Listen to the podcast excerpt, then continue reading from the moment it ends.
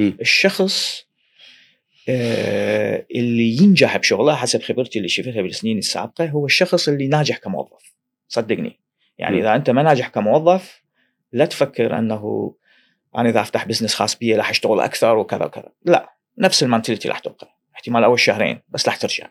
تمام؟ الشخص اللي ما يقدر يستغنى عن وقت راحته. الشخص اللي ما يقدر يستغنى عن هواياته. الشخص اللي ما يقدر يستغنى عن وقت نرجيلته وقت شوفته الفيلم لا يفتح business خاص. يعني هو شنو. شنو اللي يخليك تنجح بال business الخاص؟ هو التضحية اكد على هاي الكلمة تضحيه التضحية بوقتك تضحيه بجهدك تضحيه بوقتك الخاص تضحيه بوقتك ويا عائلتك هي هاي اللي تخلي ال business ينجح. ولا ماكو شيء يجي من الهواء. إذا ما مستعد تسوي هاي التضحية لا تفتح business خاص.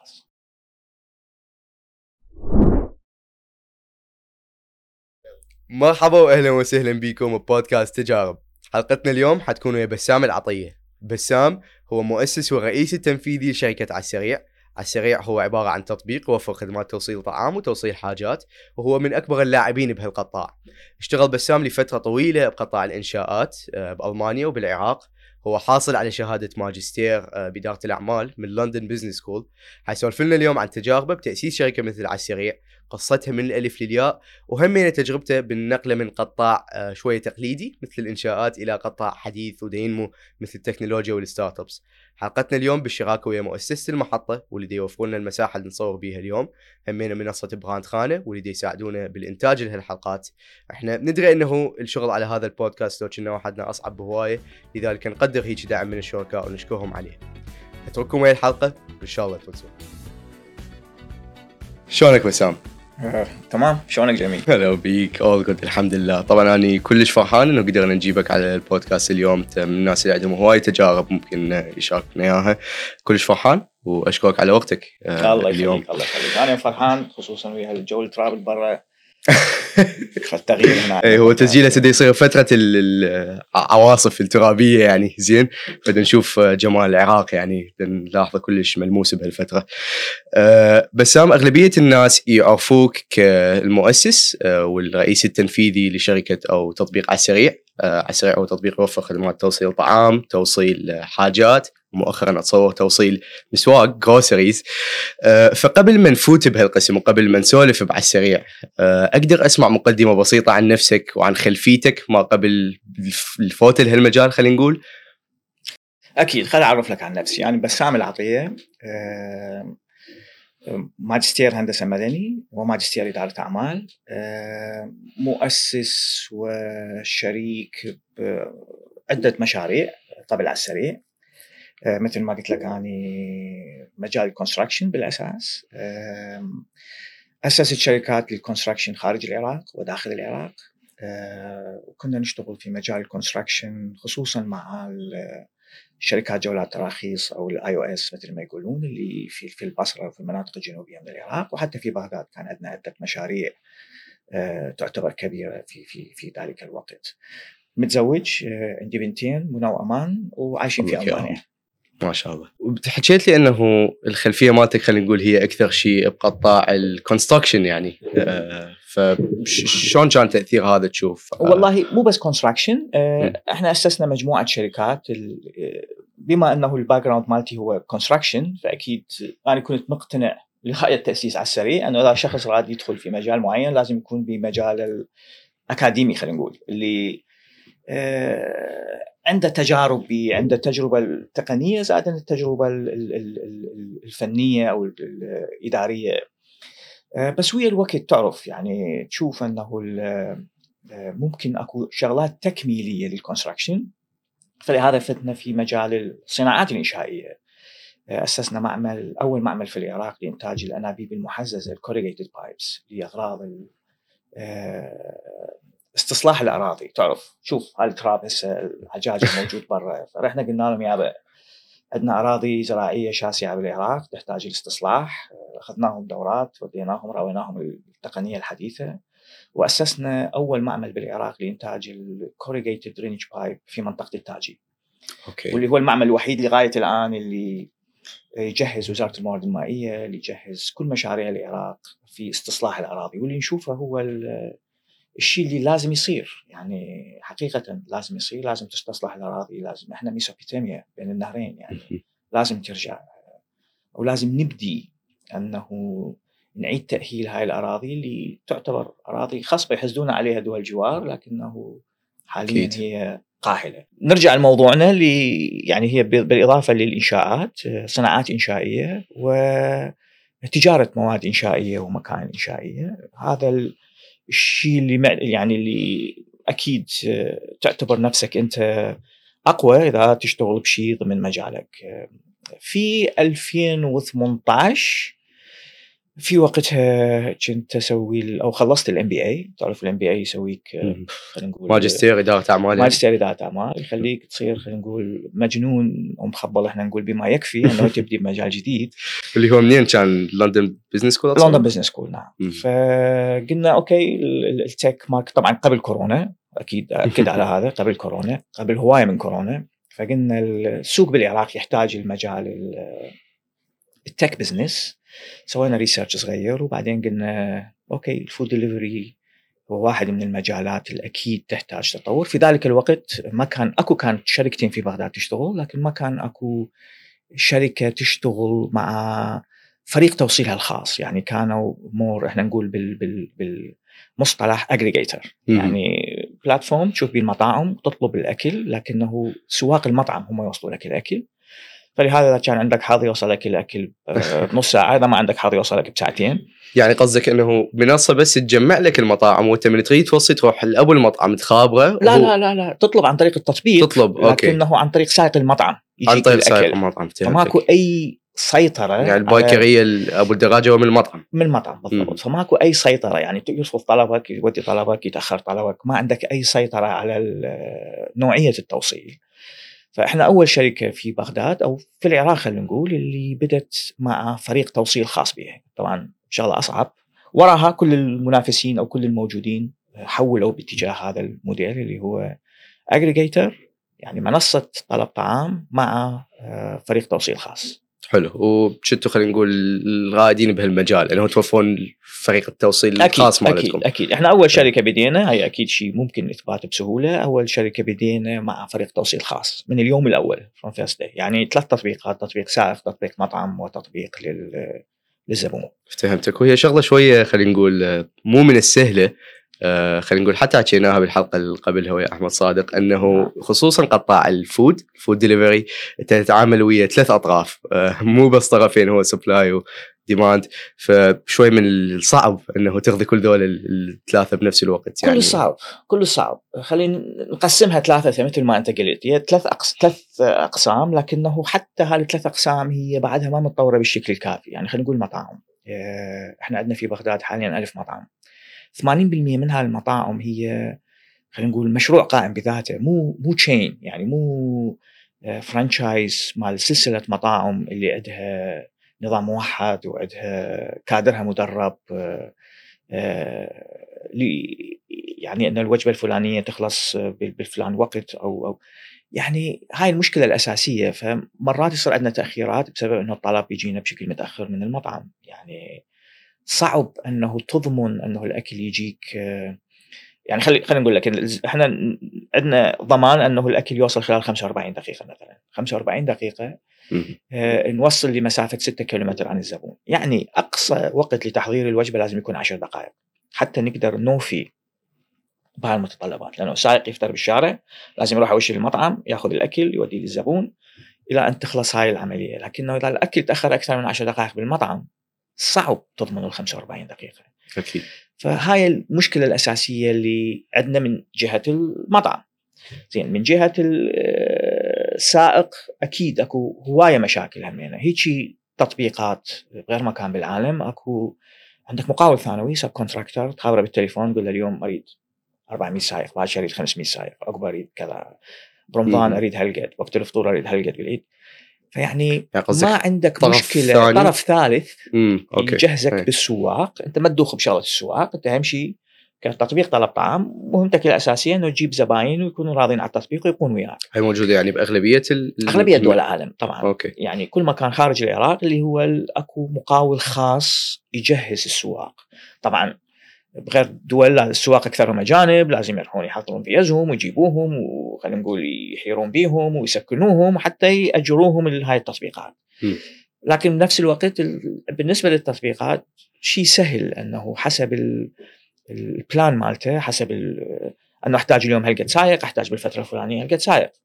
في في العراق إحنا نقول emerging market يعني بعد مجال آه، الخدمات ما متطور بالشكل الكافي آه، أنت المفروض تحير بهاي الشغلة. يعني أنت بالإضافة لكونك تطبيق طلب طعام لازم تجيب سواق لازم تدربهم لازم تأهلهم ولازم تحافظ عليهم. وهاي طبعا راح تأخذ جزء كبير من طاقتك من طاقة ال team حتى تحافظ على آه، آه، يعني تريد آه، على ال business مالتك أو على الشغل مالتك ولازم يكبر بالشكل الصحيح لازم أنت تهتم بهذا المجال أيضا. فيعني نموك حقيقه راح ما يكون مفتوح حسب حاجة الزبون أو حسب ح- وضع السوق وإنما نموك يكون مرتبط ب. حتى تحافظ طبعا على جودة التوصيل نموك يكون مقيد بزيادة كادر التوصيل كادر التوصيل واللي هي مشكلة هم راح آه، نتطرق لها يعني آه، بشكل. منفصل طبعا أكيد، عندي أكيد. نقاط على هاي أكيد نتطرق لها بشكل منفصل وزائدا النقطة الثالثة اللي هي بالنسبة للزبون العراق تع- تع- تعرف يعني خصوصا إحنا من بدينا 2018 كان ال آه، يعني ثقافة طلب أكل عن طريق تطبيق بعدها. يعني أكثر الناس مع العلم أكو في بغداد ثقافة كبيرة بطلب أكل من المطاعم لكنه ال offline orders إحنا نقول. يعني عن طريق زبون يخابر مطعم عنده أربع خمس مطاعم قريبه عليه يخابرهم يجي الأكل عن طريق سائق المطعم. مثل ما قلنا المشكلة الهايه إنه سائق المطعم آه، يشيل أكثر من طلب. من يطلع من المطعم.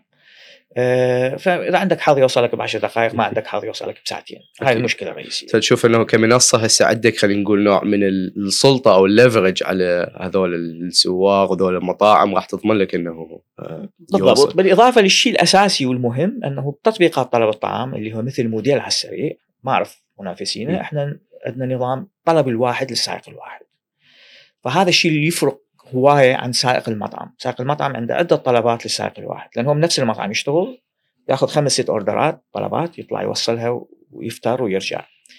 بتطبيق على السريع طلب واحد للسائق الواحد لهذا الزبون يقدر آه، يتابع الطلب يعرف وين راح يعرف الطلب بدا يتحضر بدا يوصل وصله حاليا.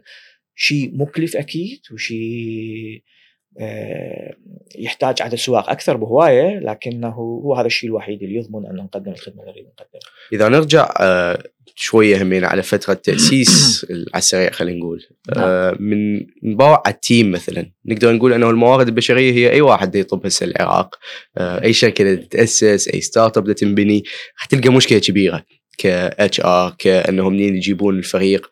آه، فعلى السريع شلون كانت هيك بدايات؟ آه، وشلون اختير الفريق؟ على أي أسس يعني انبنى شنو ال criteria خلينا نقول اللي مشيتوا عليه؟ على السريع تختلف احتمال عن هاي الشركات اللي تدخل يوميا، على السريع شركة عراقية 100% شركة عراقية تأسست بالعراق.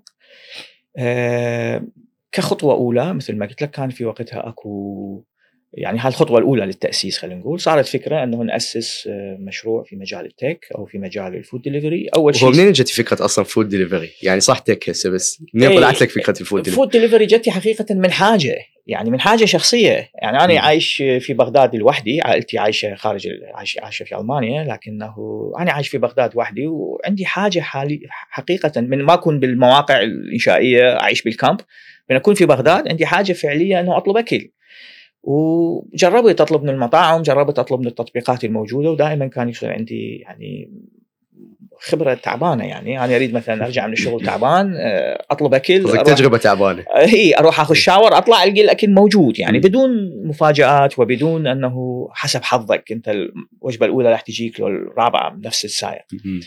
وكنت أريد أعرف الأكل مالتي وين شو وقت حيوصل حتى أقدر أقيم الأمور لكنه بسبب تجربة خاصة قلت اوب يعني السوق أكيد من تقارنه ويا غير دول بالعالم أكو حاجة كبيرة لهالشيء. فالخطوة الأولى حقيقة أنه صارت الفكرة آه، لقيت ال tech team المناسب اللي هو ال CTO أو chief technical officer وبدينا نطور بتطبيق. نفس الأثناء آه، قلت لك كان أكو تطبيقين في بغداد آه، آه، على السريع اشتريت واحد من هاي التطبيقين. ليس مو على مود أنه نستعمل ال- ال- ال- التطبيق مالتهم إحنا سدينا له التطبيق. كان قلت لك هو فقط عبارة عن منصة لكنه حتى ناخذ آه، ال staff. آه، وطبعا إحنا كلش فرحانين إنه ال chief operation officer اللي عندنا اللي هو مم. أحمد صبحي اللي هو انضم للتطبيق من اليوم الأول هو كان آه، مالك إحدى هاي التطبيقين فيعني سويناها بس حتى ليس ال interest of conflict حتى من اليوم الأول آه، تضارب مصالح. ليس تضارب مصالح بالضبط. فإحنا اشتريناها للشركه بشكل رسمي وكامل أنه حتى نأخذ ال staff اللي موجود بواحد من هالتطبيقين. حلو. ما سوينا مثل ما تسوي مع الأسف. هاي التطبيقات الجديدة. ما رحنا على آه، تطبيقات ثانية وحاولنا نأخذ موظفيهم ما يعني أكو لازم يبقى بالنهاية ethics في مجال أكو أخلاق في مجال الشغل حقيقة. هذا مو شغلنا. فعلى الأساس وبعدين بدينا نبني staff يعني كل اللي موجودين بعد السريع قلت لك عدا احتمال ال chief operation officer كلهم بدون استثناء ما مشتغلين قبل التطبيق ولا مشتغلين بتطبيق طلب طعام ولا ولا ولا. يعني كلهم جبناهم بنوا خبراتهم في داخل التطبيق على السريع. وإحنا نفخر بهالشيء طبعا يعني إنه بدوا من الصفر شباب أكثرهم شباب. آه، هسه حاليا عندهم مسؤوليات قيادية و... وراح يفخرون في يوم من الأيام انه اشتغلوا بعد السريع من يروحون لغير شركات أو من يأسسون بزنسهم الخاص. طبعا افتهمك فهي كانت يعني خلينا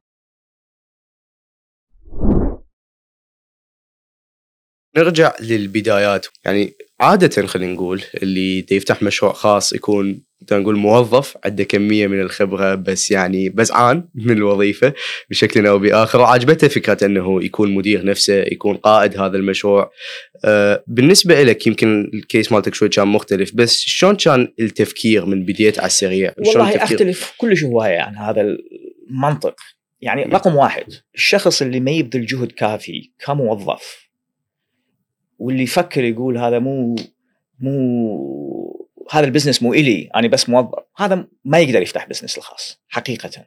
م. الشخص آه، اللي ينجح بشغله حسب خبرتي اللي شفتها بالسنين السابقة هو الشخص اللي ناجح كموظف.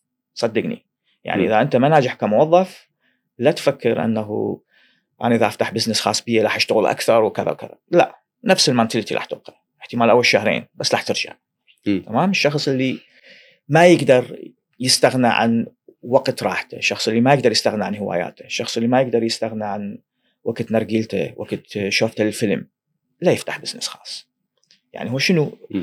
شنو اللي يخليك تنجح بال business الخاص؟ هو التضحية أأكد على هالكلمة تضحية. التضحية بوقتك تضحية بجهدك تضحية بوقتك الخاص تضحية بوقتك ويا عائلتك هي هاي اللي تخلي ال business ينجح. ولا ماكو شيء يجي من الهواء. إذا ما مستعد تسوي هاي التضحية لا تفتح business خاص اي فهمتك فانت تشوف أنه بالمحصلة هو كلها شغله يعني consistency كلها شغله ثبات واللي ما عنده خلينا نقول قدرة كافية أنه ينجح كموظف ممكن ما يكون يعني مو هو الحل بالنسبة له consistency كلش. مهمة بس أكو شغلات إضافية يعني هواي شغلات إضافية عدا ال consistency يعني إحنا نقول آه، ذكاء آه، أمانة آه، شجاعة. حظ. أكيد. أكيد. حظ. افتهمك أه بس من نرجع يعني بهالفترة قبل ما خلينا نقول تتبلور كل هالفكرة أه شلون خلينا نقول وصلت وصلت نفسك شخصيا لهالقناعة أنه أنا أريد أفوت القطاع ال tech بالعراق أنه أنا ببالي أنه أفتح هيك business يعني شلون تكونت هاي ال- سؤال حلو سؤال حلو. أكو فرق كبير بين كلمتين مع الأسف يصير بها خلط تمام؟ هسه. اللي هو بين مصطلح رجل الاعمال businessman ومصطلح ال entrepreneur. أنا بشغلي بمجال الهندسة بمجال الإنشاءات بمجال الصناعه الإنشائية كلها كان أعتبر نفسي businessman مو entrepreneur أكيد هي مشاكل هواية ولازم تحلها بس مجال اللي آه، اختصاصي تمام؟ فهاي تعتبر رجل أعمال. من قررت أسوي مشروع على السريع اللي هو تماما مختلف عن المجال اللي آه، خلينا نقول أشعر بثقة وأمان اللي. هو تطبيق طلب طعام صرت entrepreneur فخلينا نعرف هذا الشيء همنا بالنسبة لرواد الأعمال الشباب بالنسبة للشباب لازم حقيقة يفرقون بين هالمصطلحين يعني أسمع هواية تعريفات لل entrepreneur يقول الشخص اللي يحل مشاكل أو الشخص اللي آه، أكيد آه، لازم يكون بس بال businessman هم لازم يكون عنده هاي الصفات. ال entrepreneur اختلاف الاساسي عن رجل الأعمال. رجل الأعمال هو الشخص اللي يسوي عمل ويخاطر هم اكو مخاطرة وهم اكو كل شيء لكن بالمجال اللي عنده بيه تواصل أي. ال entrepreneur هو الشخص اللي يبدي شيء بدون ما يكون عنده آه، المؤهلات اللي تنجح هذا الشيء. يعني دخل مجال جديد ما عنده الرأس المال الكافي. يعني إحنا نقول بال- بالعراقي يشت بالمي البارد. بدون مؤهلات وبدون background وبدون شي يعني م. أي شخص من برا احتمال يقول عليك. مخبل نعم. لكنه يشت تمام مجال جديد في وضع جديد بدون ال- التمويل الكافي بدون ال expertise الكافي مو بس التمويل حتى بدون الخبرة الكافية لكن هل بال safety net الكافي هل تشوف أنه اني من أكون خلينا نقول entrepreneur رائد أعمال يحتاج يكون فد شيء استند عليه آه، ك خلينا نقول cushion يعني خاف كل شيء يصير لو لا بالعكس هو تشوف ال entrepreneur الناجح هو ما عنده إذا تريد. إذا تريد ال cushion ما تفيد لازم تصير مثل طارق بن زياد تحرق المراكب مالتك. يعني إذا عندك أي مجال أمان ولو صغير ما راح تمشي الشغلة. احرق السفن البحر من وراءكم وال- وال- العدو والعدو. من أمامكم وأين الم- أين المفر؟ إيه، إيه. وهذا- بس هل تشوف هاي الحالة كانت بالنسبة لك؟ لو كان فد شيء شوية مختلف لا أكيد هي هاي الحالة يعني قلت لك أنا كنت businessman كنت رجل أعمال في مجالات معينة حققت بها نجاح وأوكي كان أقدر أروح اعيش حياة حلوة وخلاص قضيها ببيسة. يعني إيه، آه، خلينا نقول آه، تستمتع بحياتك وحققت نجاح وأوكي لكنه من تبدي business جديد و... وتشغل ناس ويصير عندك موظفين و... و... وأكو همنا هاي ال proud إنه أكو business جديد ما تريده. يوقف فانت آه، يعني مو بسهولة مثل ما يقولون المصريين دخول الحمام مو مثل مو مثل خروجه. يعني ما ما ممكن أنت تضحي. أول شيء أول شيء يوقف بوجهك طبعا الموظفين ثم ال... هو ال business نفسه ثم أنت بذلت جهد لغاية أن توصل هالمرحله ما ممكن يعني ترجع لي ورا. فهمنا مثل طارق بن زياد حقيقة يعني لازم يوصل somewhere. لازم هذا ال business يوصل. إحنا من 2018 لغاية الآن بدنا نموت نكبر آه، الكل فرحانة. عندنا حاليا 100 موظف عندنا حاليا 500 سائق. يعني فاتحين 600 عائلة بس ببغداد.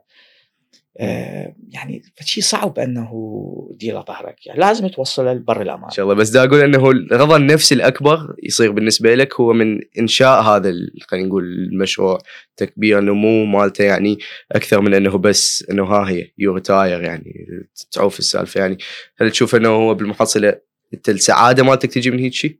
أكيد أنت دائما تحتاج يعني تحتاج تسوي معنى للحياة أوكي؟ يعني م. حقيقة تجي تشتغل كذا ما أعرف إيش هذا لكنه بعدين تتقاعد ما لها معنى. هسه ال- الاتجاهات الحديثة قبل كان الانسان يشتغل يكبر ما أعرف شنو كذا بعدين يروح يصير 60 سنة يروح يتقاعد انتهت هاي الحالة. هسه إذا يعني ما صار عندك سرطان وما صار عندك حادثه ممكن تعيش 90 سنة 100 سنة. فيعني إيش. حتسوي من من من تقاعدت إلى إلى نعم. تموت؟ يعني too much time يعني وقت طويل. صح. فأكو اتجاهات تغيرت بعد. راح هذا الوقت مال مثل الأفلام الأمريكية القديمة تتقاعد و... وتسوق red Ferraris وما اعرف إيش. راح هذا الوقت. فإنه آه، راح أستعمل هنا مصطلح آه، إنجليزي حقيقة إنه تكون independent producer يعني منتج مستقل؟ يعني أوكي. منتج مستقل احتمال ما تنطي نفس الانطباع أنه تسوي شيء تبذل جهد كلش قوي كلش كبير حتى تحققه تنجزه وراها يعني تقدر تاخذ آه، آه، استراحة تاخذ بريك استراحة محارب خلينا نقول. إلى أن تبدي شيء ثاني. وهذا الشيء هو اللي ينطي معنى لل يعني ينطي معنى للحياة. يعني يقول لك أرخص الألمان يقولون أرخص دواء أنه تبقى مشغول. آه، هذا تأثير المجتمع الألماني ارخص عليك. دواء بالنسبة لجسمك ولعقلك مو بس جسمك يعني. يعني حتى بالنسبة لعقلك إنه تبقى مشغول. Yourself طبعاً. busy. إيه، فهذا الشيء آه، بالضبط شيء. شيء جدا.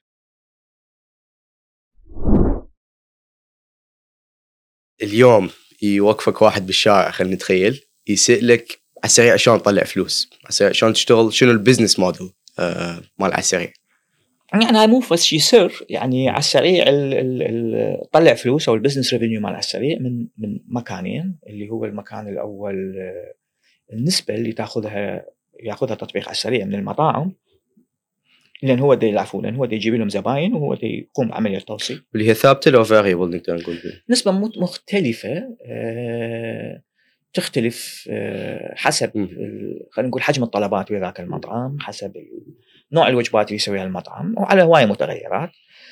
آه، أتمنى نفتح هذا الموضوع بالتفصيل مكان ثاني. آه، زائدا أكو كلفة توصيل. هاي كلفة التوصيل همينة تختلف حسب الوقت تختلف حسب المسافة تختلف آه، عندنا توصيل مجاني خلينا نقول الصبح أثناء الريوق عندنا توصيل مجاني آه، فترة العصرونية عندنا توصيل مجاني بالليل عندنا يعني دائما نحاول نسوي آه، عروض وخصوم للتوصيل ما نحاول نسويها شيء ثابت fix. لأنه يعني ما راح يخدم. أي شخص فنوع ال ال ال ال ال ال revenue أو ال income أو المدخول اللي يدخل على السريع من طرفين من طريق كلفة التوصيل وعن طريق آه، النسبة اللي ناخذها من المطاعم لكنه أكيد تعرفون تعرفون هذا ال business business صعب يعني يعني هاي الاثنين ال- ال- ال- كلفة التوصيل زائد النسبة تاخذها من المطاعم هي أكيد ما راح تغطي تكاليف الشركة إلا أن تكون خلينا نقول آه، تكبر الشركة بشكل أكبر بهواية من من من حجمها الحالي هو هذا النظام. يعتمد هيك يعني آه، تاخذ cents في كل في كل وجبة أكيد. وكل ما تكبر كل ما تكون الشركة في مجال ال- أنه تقليل الخسائر أو بدء بمرحلة الأرباح. لو أكو آه، آه، رسم أو chart يعني يبين هسه راح ناخذه يعني إنه يبين كل مطعم خلينا نقول أو كل طلب من ال food delivery app يعني إيش قد نسبة ال- اللي يوصل للمطعم إيش قد نسبة اللي يوصل لل biker إيش قد نسبة اللي يوصل للشركة. أكو يعني بي أصلا إنه المطعم شوية خسران خلينا نقول آه، جزء يعني من قيمة ال order هاي يعني. بالقوة أصلا they're breaking even خلينا نقول يطلعون المطعم. المطعم. yes هذا نقطة كلش مهمة. يعني تطبيق على السريع حقيقة يعني ممكن آه، تأكدوا من هالمعلومة خصوصا من وراء أزمة كورونا. عندنا سياسة أنه نحاول ناخذ آه، أقل بهواية من باقي التطبيقات من المطعم. لأن المطعم لازم يعيش. آه، المطعم لازم يستمر. آه، مع الأسف عندنا بعدها ال regulation ما موجودة. يعني يعني مدن آه، مثل نيويورك من بعد كورونا حددت نسبة عليا لل آه، النسبة اللي ممكن التطبيقات تأخذها من المطاعم. هي 18% يعني بدأوا يسوون هالشيء وأتمنى المطاعم همينه إنه آه، دا أسمع أنا اكو تطبيقات دا تيجي تطلب 30% من المطعم. أتمنى من المطعم ما يقبل هالشيء لأنه ما له داعي حقيقة. أكو يعني نقدر نقول مطاعم هي معتمدة على السريع بشكل كامل ممكن أنه 80% من طلباتها الأغلبية العظمى من طلباتها تجي من السريع لو من نلقى هيجي نوع من ال- ال- ال indie restaurant نعم. هذا خوش سؤال. آه، المفروض المطعم ما يعتمد على تطبيق واحد. يعني مم. أنا لو صاحب مطعم حقيقة يعني أشوف المطاعم اللي موجودة مثلا بدبي كل مطعم عنده خمس ست POSات مال خمس تطبيقات. مال التطبيقات الكبار حتى هنا تروح لأي مطعم حتى. هنا إي أنا لو صاحب مطعم يعني ليش أخلي بيضي كلها بسلة واحدة يعني المفروض ما تصير هي وين وين ربح ربح يعني إح كل تطبيق من هالتطبيقات راح يجيب لأي مطعم من هالمطاعم طلبات إضافية ليش ترفضها يعني يعني مم. المفروض آه، يعني هو بال food delivery business شغلة ال- ال- ال- المطعم الحصري مو شيء صحيح ولا شيء ناجح. فالمفروض المطعم يتعامل بكل التطبيقات الكبيره وما خسران شيء المطعم. يعني هو POS اضافي خاله وخلاص. يعني مو فد شيء آه، راح يدفع على اساسه مبلغ معين أو كذا. فيعني هي ينفتح عليه بكل الاوبشنات ال- الموجودة ويقدر. المط- المنصات هي تبي تتنافس عليه. هي المنصات. تتنافس. يعني المطعم ليش يخلي نفسه بيتشي طبعاً. مجال يعني. بس كلش حلو إنه نسمع من صاحب شركة يعني توصيل اكل هيك هيك حكي. يعني ما ما منه متوقع خلينا نقول. هي أكو شركة أو شركتين بالسوق حاولت إنه تشتغل على نظام ال exclusive حتى على أساس تقلل المنافسة بس فشل. يعني إحنا ما حاولنا اطلاقا وكنا متوقعين حيفشل لأنه ما نجح في أي بلد ثاني بالعالم.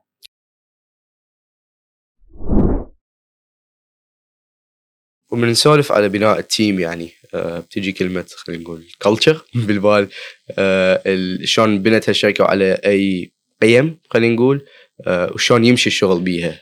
أنت اليوم كالرئيس التنفيذي شلون تقدر توصف هذا ال culture اللي بنيته؟ وشلون يميزه عن باقي الشركات؟ هذا سؤال حلو. يعني ك CEO أكيد واحدة من مسؤولياتك الأساسية تخلي ال cultures وال norm مع الشركة. أحكيها بصراحة إنه ال cultures وال norm يعني هي هي آه، خلينا نقول نتيجة تراكم خبراتك ومعارفك و وشغلك السابق اللي هي يعني ال culture وال norm مال أي شركه ال culture وال norm مال CEO أو مال founder وجدتي هم جزء منها نتيجة تراكم خبرات آه، بشيء ثاني يختلف تماما عن ال tech business اللي هو قلت لك ال construction أحكي لك شلون مزجت لك أحكي لك طرفة حلوة يعني. يعني أنا جاي من من مجال ال construction، ال construction بالعراق ولا خارج العراق يعني tough business يعني يعني عادة يصير بصياح عياط ما أعرف إيش آه، آه، فأول مشكلة واجهتني على السريع حقيقة. أنت طبعا لازم عدل هاي ال tough business أنت ال fairness هي الشيء رقم واحد. باي شركة. آه انه تنطي مجال حريات وماكو micro management هذا الشيء الثاني الأساسي آه بالشركة.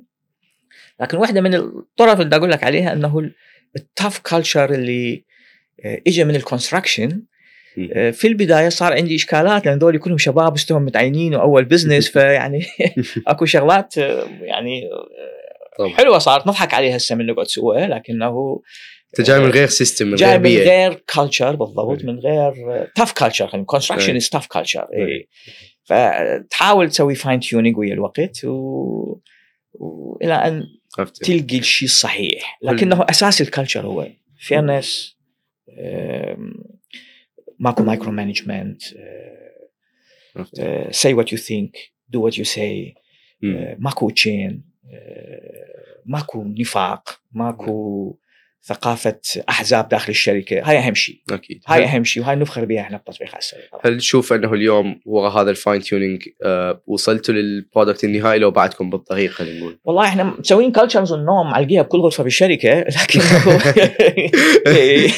هو شركات تعلق وواحدة منهم هم ضحك واحدة منهم سوينا fine tuning اللي هاي قلت لك ال hard culture انه كاتبين إنه المجادلة بصوت مرتفع مسموح داخل الشركة لكن بدون. التعرض وبدون إهانات وبدون وبدون خصوصا المجال ال operation حقيقة يعني تصير تصير. ويعني إذا أنت مت يعني إحنا heavy operation business تطبيق توصيل. إحنا مو بس يعني internet platform إحنا heavy operation يعني عندك زباين وعندك طلبات وعندك سواق ولازم الأكل يوصل للزبون بالوقت المناسب فتصير tension تصير على قولتك tough culture tough culture هم اكو tough culture لكنه سوينا لها fine tuning بحيث تكون راهمة. فعندنا هسه صار نوعين من ال culture داخل الشركة. الناس اللي تسوي direct operation تشوفهم tough الناس اللي آه، طيب، يشتغلون يشتغلون يشتغلون ال marketing يشتغلون ال product development لازم إيه. تدوس إيه. الدقمة وتغير وتحكي وياهم بغير طريقه بس ال operation هو tough tough business يعني.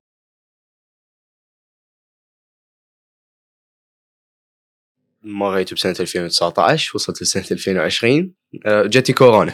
قبل كورونا 2019 آه، من سد الإنترنت تشرين أحداث تشرين. همين أكيد أثرت على ال tech business لأنه أسبوعين أصور كان الإنترنت ضعيف أو صار shut down وقلت لك المشكلة الرئيسية بشركه مثل على السريع آه، خصوصا في ذلك الوقت اللي يعني أنا كنت ال only founder يعني أنت تبني فريق السواق. تجيب السواق تجيب ال team لكنه باليوم اللي ما عندك شغل خسارة كبيرة كلش. فأنت ما تقدر أسبوعين تبقى آه، تتعرض لهذه الخسارات الكبيرة. اللي صار إنه من إنترنت انسد أسبوعين آه، آه، بشهر العاشر 2019 أكيد. خسرنا جزء كبير من السواق. وهي مو دقمه تدوسها حتى ترجعهم يعني طيب. يعني العجلة حتى تدور يراد لها وقت طبعا. فهاي هم أنا أثرت على نمونا في ذلك الوقت. وبعدين الطامه الكبرى من جتي كورونا 2020 آه، وهاي لازم نناقش هاي النقطة يعني حقيقة نحكيها آه، بتفاصيلها. يعني كل دول العالم ازداد طلبات توصيل الطعام. طبعا. كورونا هو هسه أقول لك هالشيء يعني انه أغلبية دول العالم اللي تباوع على ال food delivery التطبيقات نعم. بيها زادت العائدات مالتها خلينا نقول ارباحها الدول اللي كانت بيها هي كانت تعتبرها ملجأ من دا تريد تحصل على أكل دا تريد تحصل على groceries حتى ال valuations مالتها نقدر نقول صعدت آه، كتقييم لل startups آه، بس هل هو هذا كان الحال هنا؟ باستثناء العراق. أو خلينا نقول آه، على كردستان كردستان سمحوا للمطاعم. تشتغل. بالعراق وليش؟ أو- ما أعرف. ما أعرف. هو هذا صحيح طبعا لكنه في بغداد والمناطق الجنوبية قرروا أنه آه، يغلقون المطاعم. غلقت المطاعم لمدة حوالي 44 يوم.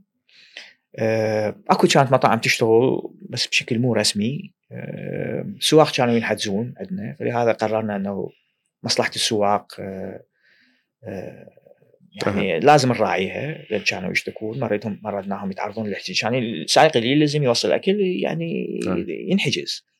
ينحجز هو مو بس دراجته هو يعني خلينا نقول مصطلحنا يندب جوا. فقلنا ليش يعني؟ ده يعني ما- ما له داعي. شلون الإجراءات يعني؟ فوقفنا لمدة 44 يوم. مع العلم حاولنا نحكي وياهم حاولنا نتواصل. يابا كورونا مرض تصيب الجهاز التنفسي مو الجهاز الهضمي. ما له علاقة الأكل. بالعكس يعني إذا شخص راح للمحل تسوق احتمال ينقل كورونا أكثر بهواية من ما سايق هو هو يعقم إيده ولابس كمامة وشخص واحد هو يخلي لك الأكل على عتبة الباب. شوفوا دول العالم إذا ما تصدقون بينا شوفوا كل دول العالم بدون استثناء لكن تعرف قرارات هنا تطلع ما أعرف شلون. فلهذا سدينا تماما لمدة 44 يوم أكو يمكن تطبيق ثاني أو تطبيقين بقوا يشتغلون أه، لكن ما ردنا حقيقة سواقنا يتعرضون لل- للأذى يعني هذا جزء من ال culture مع الشركة حقيقة. خسرنا لكنه قررنا هالشيء. هل تشوف هذا القرار يعني عوض يعني أو أتى بكله خلينا نقول later on لو كان يمكن قرار أحسن إنه تكملون عملياتكم فتره كورونا. والله إذا إذا ما تريد تفكر بمصلحة السواق وعوائلهم أكيد أحسن كان إنه تكمل. لكنه إحنا قررنا إنه نوقف حتى لا نعرض سواقنا لتجربة. يعني تقدر تقول للسائق تجبره إنه يشتغل ولكنه ما ردنا نسوي هالشيء. فسوينا. تصويت داخلي بالشركة وقررنا إنه كأغلبية إنه آه، نوقف. وقفنا لمدة 44 يوم. آه، فهاي كورونا يعني في كل دول العالم مثلا شخص يسمع تطبيق طلب طعام يتصور إنه صار نتيجة. للحاجه اللي صارت ورا كورونا. بالعكس إحنا قبل كورونا سنة بادين كورونا أثرت علينا ما فادتنا اطلاقا بأي شكل من الأشكال. يمكن نقدر نقول إنه الشيء اللي فادت به إلى حد ما هو الفالويشن على السريع يعني ممكن أنه أهلت آه، للمستثمرين أنه يباعون على السريع ويقولون أنه راح تكون أكو حاجة آه، اللي هيك شيء مستقبلا يعني. صحيح هو الكل شيء إذا أنت تشوفه بهالطريقة هو الكل شيء أكو شيء إيجابي حتى الموت بشيء إيجابي إذا تفكر بها من الناحية أنت. يعني للبيئة وللبيئة ولشو اسمه خلصنا من واحد خلينا نقول. لكنه آه، أكيد صحيح. صحيح. بسبب كورونا ليش أتذكر؟ يعني قلت لك لغاية ذاك الوقت لغاية كورونا كنت أنا المستثمر الوحيد في السريع و آه، بس أتذكر كل زين من كنا مسوين completely shut down من كنا مطفين التطبيق آه، شهر 3 2020 آه، هو اجاني اتصال من آه، مستثمر عراقي عايش بالخارج وهو يعني أنا ما كنت لغاية ذاك الوقت مسوي أي يعني مقابل أي مستثمر حقيقة. فهم اتصلوا بي وقالوا أكو رغبة أنه ممكن أنه نستثمر تطبيق على السريع. فيعني كانت في وقت صحيح في الوقت عندك وقت فارغ تطبيق مسدود. أحسن وقت حتى تسوي مناقشات. وحقيقه مناقشات كلش كلش positive كانت. يعني المستثمر كان مستثمر معروف هسه في مجال ال tech business محمد الخضيري عراق tech. فينشر ويعني كان نقاش كلش حلو يعني بخلال خلال أسبوعين خلصنا كل شيء يعني وآخر شيء فكرنا به هو ال valuation حقيقة يعني أهم نقاش أكثر نقاش طول هو تعرف إنه من تكون عندك business وأنت وحدك خلينا نقول آه، ما تهتم إنه تسوي governance مكتوب على ورقة لأنه هو ال business لك وحدك. حوكمه للشركه حوكمه للشركه لكنه أهم شيء حقيقة وهي أهم نصيحه لكل شخص أهم شيء آه، من يدخل وياك مساهمين ثانيين أنه آه، بشكل مكتوب ومهيكل بشكل صحيح يثبت كل شيء. نسميه shareholder agreement أنه إذا صار هيجي هيجي إذا صار هيجي هيجي الإدارة كذا ما أعرف شنو كذا آه، بيجي قرارات ال CEO ياخذها بيجي قرارات ال board ياخذها. يعني شغلات جدا مهمة إنه تصير وهاي اللي صارت. و مثل ما أنت قلت هاي الحسنة اللي صارت بوقت كورونا بوقت إنه ماكو operation عندك وقت كافي. ف يعني خلصنا الجولة الأولى نسميها ال seed round يعني مبلغها يعني مو كان مبلغ كبير. سؤال غبي شوي بس هو شنو ال seed round؟ ال seed round اللي هي جولة الب... يعني هي حقيقة من أنت تطلع ل business. يعني أكو اللي ما عنده خلينا نقول راس مال كافي أول شيء يسويه هو يسوي ال seed round اللي هو يعني حتى يجمع فلوس يقدر يبدي بيه ال business بحالة على السريع ما صارت هالشيء لأن إحنا كنا مشتغلين وباستثمارات آه، مباشرة من عندي. فبسبب شغلي السابق طبعا. آه، فال seed round هو إنه تجمع آه، خلينا نقول راس مال كافي إنه تشغل الشركة لفترة معينة. يعني هذا الغرض من ال seed round إحنا سميناه seed round في ذاك الوقت ما أعرف ليش لكنه صار اسمه seed round كونه أول round كان أول round ممكن إي ممكن. بس إحنا كنا صارنا يعني سنة ونص بالشغل أو سنة سنة وشوية بالشغل يعني ما كان الغرض من السيد راوند حقيقة هو جمع آه، مبلغ مادي في ذلك الوقت بقدر ما كان الغرض هو آه، نستفاد من ال seed round حتى نسوي أساس هيكلي وقانوني صحيح للشركه يعني كل شيء تهيكل بسبب ال seed round فهمتك. يعني سويتوا نظم و procedures و systems بحيث يعني ما يكون القرار بيد شخص واحد آه، بقد ما هو بيد board نقدر نقول بقد ما هو بيعتمد على كل واحد واختصاصه يعني. لا بالعكس. يعني هم يريد يستثمر بيش تطبيقات. حقيقة ما يدوخ نفسه بهالمجال. لكن آه ثلاث شغلات أساسية تصير. إحنا هاي لازم أحكيها بالإنجليزي يعني اللي هو ال shareholder agreement ال share purchase agreement وال cap table فهاي اللي كلها وثائق هاي اللي كلها أساسية وثائق أساسية اللي لازم تسويها التطبيق حتى للجولات الثانية كل شيء يكون واضح ومكتوب. فهو مو الغرض أنه يقيدون حرية السي أو اطلاقا بقدر ما شي يصير لو إذا صار هيك شلون؟ إذا باكر إجانا مستثمر من يقرر ندخل لو ما ندخل إذا آه، قررنا أنه نغير نشاط الشركة شنو القرار اللي يصير؟ إذا إذا إذا إذا. أكيد. إذا اجى باكر المستثمر ودق الباب آه، كم صوت لازم ناخذ حتى شقد يعني هاي الشغلات الأساسية. زائدا تحديد الشيء الأساسي الثاني تحديد قيمة للشركة لأنه الشركة تدري كانت آه، ما لها قيمة محددة. يعني إذا أنت شركة تشتغل بها وأنت المساهم الرئيسي والوحيد. فما لها قيمة يعني خلينا نقول آه، مكتوبة. من يدخلون وياك مساهمين صار أكو قيمة اللي تقدر آه، تعتبرها خلينا نقول كشيء صلب ثابت حتى ملموس, ملموس للجولات القادمة. انه تقول تقدر تروح لاحد هاي الجوله كان هذا قيمتي. هاي واضح مكتوب وما بها مجال. آه، تلاعب بها لكنه ومن هاي الجولة لغاية الجولة الثانية إحنا حققنا نمو قدر كذا فاذا زيادة بالقيمة قيمتها كذا. ف يعني تخلي آه، تنطي خلينا نقول مثل ما يقولون برا تنطي ايدين ورجلين للشغلة. يعني مثل طفل متكون جنين ما عنده ايدين ورجلين فهاي الشغلة تنطي ايدين ورجلين بحيث آه، تبين. تعطي credibility معين تعطي يعني آه، يعني نعم. الخطوة الأولى إنه كانت هاي قيمتها بالوقت الفلاني من كانت عوائدها فلانيا فإذا شيء سهل إنه نقدر نحسب قيمتها الحالية آه، مع زيادة في نموها. فهمتك. ومن تفكر بال خلينا نقول الفوائد ال pros اللي هي الشغله اللي هي حكيت عنها إنه عرفت هسه القيمة اللي هي شيء وهم يعني أسست خلينا نقول نظم للحوكمة بهالشركة لاستناد القرار بالمحصلة عليك على board في يعني بال emergencies هاي هم أكو ناس تعتمد عليهم.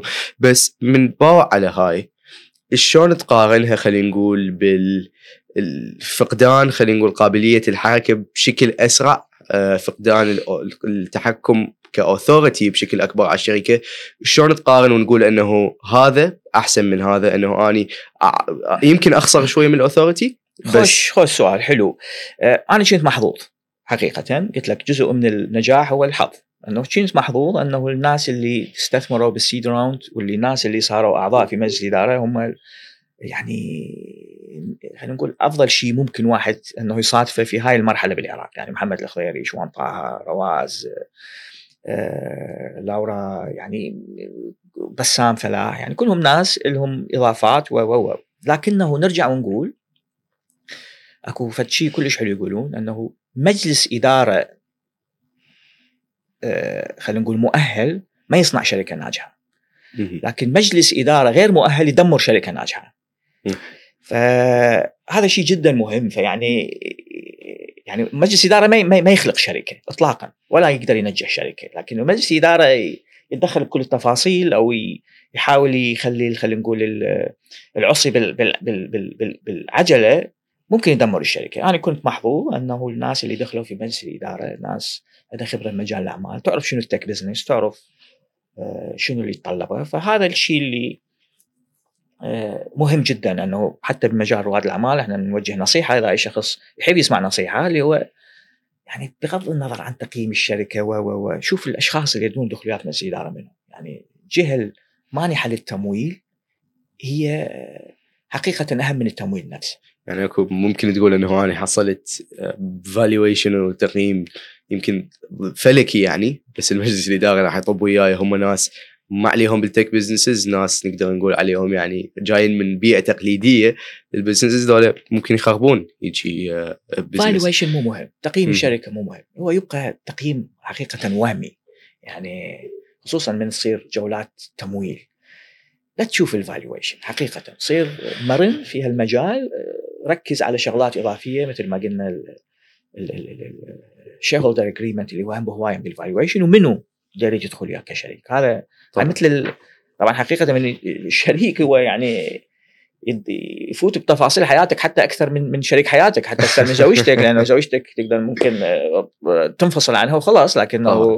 بال business صعب يعني أصعب هوايه أكيد إيه. افتهمك وما دام إحنا بدنا نحكي هسه على ال valuations آه ف من نسولف على ال seed valuation تقييم شركات يعني. تقييم الشركات. أنا نعم. طبعا كارثة نعم. الموضوع بهالبودكاست.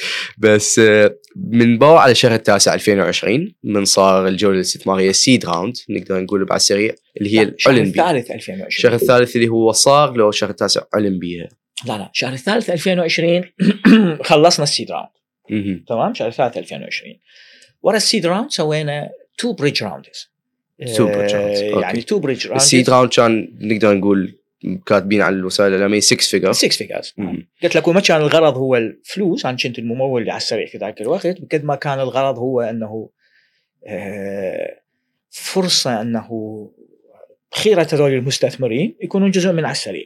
أكيد. وهل تشوف أنه لها فائدة إعلامية هيك شيء يعني ك PR أكيد. أكو فائدة إعلامية طبعا. يعني بعدين من تكبر الشركة ما حد يريد يدخل بشركة بيها one man show كل طبعاً. تريد تدخل بشركة آه، بيها يعني structure واضح بيها هيكلية واضحة بيها مساهمين والمساهمين صار وياك عده أشهر وكل شيء واضح وصريح ومفتوح مهم. أكيد. فتشوف أنه هي تساعد بالمحصلة من تنمو أكثر ودي يصير scale أكبر وأكبر آه وتجذب مستثمرين أكبر. فهي مجرد كون هذا ال- الجولة موجودة بهيج تقييم وبهيج board موجودين هذا اللي يساعد.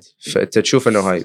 صحيح 100% لكن أنت أكو شغلة طرحتها بوحدة من أسئلتك أنا ما جاوبتك عليها. صحيح مثل ما قلت لك هي شيء إيجابي أنه تسوي هاي الجولات لكنه من الناحية الثانية اللي أنت تقول عليها هي تقيد من حرية يعني أكيد طبعا يعني ماكو شيء for free يعني أنت لازم آه، خلينا نقول آه، يعني تتغير الهيكلية تتغير تشوف أنه هاي مو يعني من من من تتخذ أي قرار هو لمصلحة الكل مو بس لمصلحتك زائدا آه، تخلي مسؤولية أكبر على عاتقك لأنه أنت إذا كانت الشركة بس لك خسرت ربحت يعني it's your decision يعني قرارك لكنه من. أكو غيرك جايين خالين فلوسهم وياك المسؤولية تكبر وحقيقة ت- يعني حتفكر بيهم أكثر ما تفكر بنفسك ما دام نحكي بال valuations نعم. آه تقول لي أنه الشهر الثالث 2020 كان ال seed round seed round نعم ال bridge round هو صار اثنين أكو bridge اثنين round. Bridge rounds نعم. هسه أني لقيناه بالإعلام أنه ال bridge round أكو واحد منهم ما اعلناه. أكو واحد من ال bridge round ما صار عليه الإعلان وما أدري لأي غرض ما اعلنا في ذلك الوقت و صح. والواحد انعلن عنه ف... نقدر نحكي أكثر عنه كايش قد كانت القيمة يعني بدأت القيمة؟ تزداد أك- أكيد بازدياد حجم الشركة آه، ودخلوا مستثمرين إضافيين آه، وال bridge round النهائي يعني آخر جولة لل لل أو آخر جولة استثمارية كانت في شهر 12 يعني وقعنا العقد 31 12 2021 في آخر يوم بالسنة اللي كان همنا يوم آه، يوم حلو. آه، وال يعني ال plan الجديد الخطة الجديدة إنه في نهاية هالسنه إحنا يعني نقدر نستمر آه، وعندنا خلينا نقول رأس مال كافي إنه نستمر ونتوسع.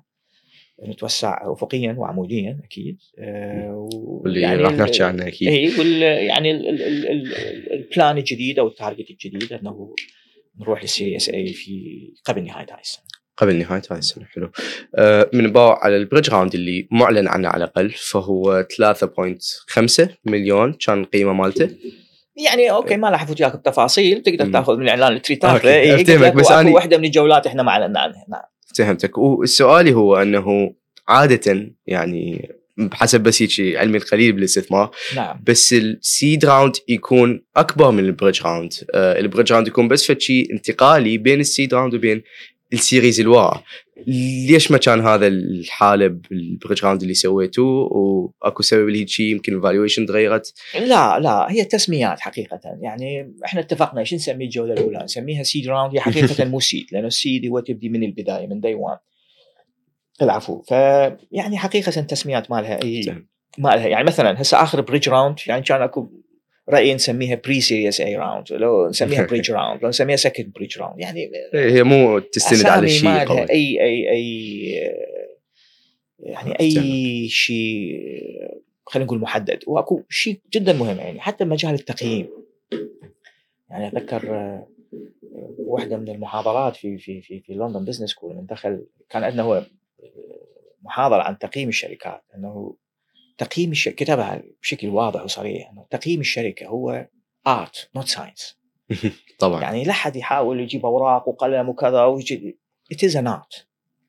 يعني بالنهاية تقييم الشركة هو مو علم يعني تقدر تجيب معلومات تقدر تجيب ما أعرف شنو يقدر مكتب استشاري يعطيك أوراق بس أكيد. بالنهاية تقييم الشركة هو المبلغ اللي المستثمر مستعد يخليه على الميز مقابل حصة بهاي الشركة. طبعاً. يعني آه، أكو تقييم على الورق كان X وال- وال- والتقييم الحقيقي 10 X وأكو العكس. أكيد. وتع series A قلت لي قبل نهاية السنة. قبل.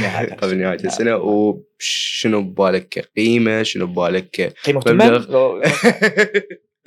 إذا ما تريد تفوت على هذا الموضوع بس أنا القصد أنه هل راح يكون غير جهة مستثمرة؟ هل راح تكون ال board تكبر؟ يعني أكيد طبعا آه، طبعا. شنو الطموح لل series؟ جزء جزء من آه، الشيء اللي نطمح إليه إنه يك- يكبرون آه، قاعدة ال- آه، المستثمرين ونحب ناخذ strategic strategic investor في في ال series A. يعني مو بس آه، خلينا. نقول VC أو نريد strategic investor اللي يساعدنا بال- بال expertise يساعدنا بالنمو يساعدنا احتمال نطلع لغير دول يساعدنا يساعدنا بهواي مجالات فهمتك بس يعني you're in talks خلينا نقول أكيد هو. هو هذا بالعراق لو برا العراق هيك راح يكون of، يعني ما أريد أفوت بتفاصيل لكنه إحنا داخلين وداخلين مفاوضات جادة ويعني راح نعلن عليها بالوقت الصحيح و آه، يعني الأمور آه، طيبة. إن شاء الله.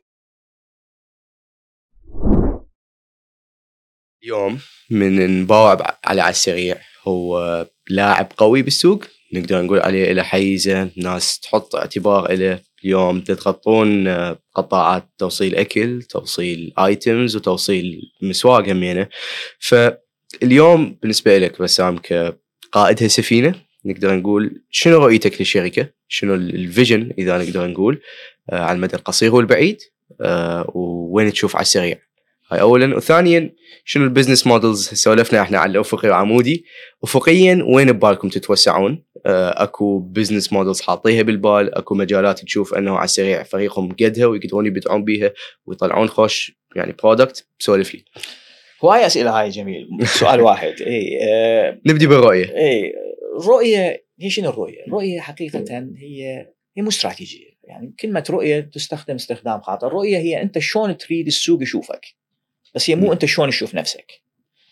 هاي استراتيجية. فالرؤية شلون نريد نشوف يسوق السوق يشوفنا. يشوف يشوفنا. شلون نريد إحنا شركة عراقية يعني هذا اللي نريد دائما الناس متفكرة بعد سريع شركة عراقية 100% بدت من العراق بدت بكادر عراقي شاب. آه، قدر آه، ينمو بالشركة بخلاف كل التوقعات الثانية واكو أجانب واكو بخلاف كل التوقعات الثانية بخلاف كل النقد اللي صار قدرت الشركة تنمو تكبر ثبت نفسها. آه، أكيد بها سلبيات نعمل على تجاوزها لكنه هذا الشيء اللي نفخر نقدمه وتقدم premium quality service يعني إحنا ما مهتمين نكون أكبر شركة توصيل ونوصل أكبر عدد مو هذا همنا. همنا إنه عندنا زبايننا الثابتين اللي يكبرون بشكل شهري اللي يجون للتطبيق مو على مود إحنا نعطي 70% discount يعني إحنا نفخر إنه عندنا 85% retention rate مثلا هاي معلومة سرية آه، نفخر بهالشيء نفخر إنه زبوننا حتى لو شركات ثانية تعطي 60% discount هو يبقى ويانا. نفخر بهالشيء وهذا اللي نريد نكبره يعني قاعدة زبائننا الحالية إنه هذول الزبائن نريد نجيبهم ونريد نبقيهم بالتطبيق ونريد يزداد أعدادهم. يمكن أنت هذا الشيء ورثته من البيئة خلينا نقول التقليدية اللي كنت بيها أنه بالمحصلة. ممكن ممكن تريد تحافظ على الزبون ممكن قبل ما إنه ممكن تقول growth ممكن, ممكن. بالنسبة لنا الزبون هو زبون نحافظ عليه وأكو حسب آه رأيي المتواضع أكو هواية زباين يحبون أنه يعاملون كزبون مو كواحد طلب اليوم طلب وحتى تزداد قاعدة البيانات. فإحنا هذول نريدهم ونريد نكبرهم ونريد نجيبهم بالتطبيق. آه نجي على المجال آه، خلينا نقول شلون نريد نشوف السوق يشوفنا وإحنا شلون نشوف نفسنا همينه. المجال آه، الثاني إنه التوسع الأفقي والعمودي مو لو نروح على غير سؤال قبل. يلا. إيه، إيه، على السريع قلت لك بدا كتطبيق لطلب الطعام. في 2019 ضفنا على خدمة الزاجل السريع اللي هو last mile delivery شلون بدت هاي الفكرة؟ هم ما بدت من العدم إنه يعني توصيل الحاجات توصيل توصيل الحاجات إنه شفنا بما إنه إحنا تطبيق طلب طعام بما إنه سواقك ثابتين مثل ما قلت لك مو مثل من غير دول إنه تطلب 200 سائق من 7 ل 8 و300 سائق من 8 ل 9 لازم تلهيهم يعني لازم بالضبط. بما إنه عندك سواق وسواق ثابتين أنه بين الفترات اللي يصير بها طلب طعام آه، خلينا نقول كثيف اللي هو الغداء والعشاء يكون السواق أكثر من آه، حاجتك. ففكرنا أكو طبعا عدة حلول لهالشيء أنه أما تسوي نظام شفتات أما تسوي كذا أما تسوي كذا وهي حلول أكو. واحدة من الحلول أنه تشغل دول السواق بشيء ثاني آه يعني مثلا على سبيل الطرفه سواق المطاعم يعني السواق اللي خاصين بالمطعم بالتوصيل بين الغداء والعشاء يثرم خيار وطماطم مثلا. يعني يشغل المطعم بغير شيء. صح.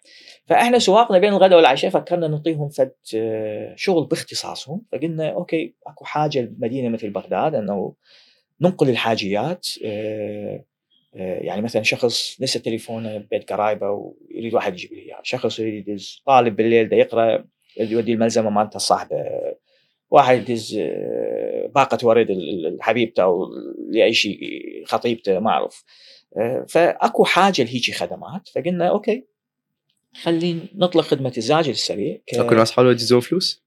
وقفناها إحنا بالفلوس حقيقة. لو لو كنا نريد نوصل فلوس كان آه، تكبر الشركة بشكل أكبر بهواية لكنه مكتوب على chase زاجل اللي هو ننقل بالحاجيات إنه ممنوع نقل الفلوس الأدوية كل شيء يتعارض القوانين العراقيه ف يعني ما نريد نفوت بهالمجال.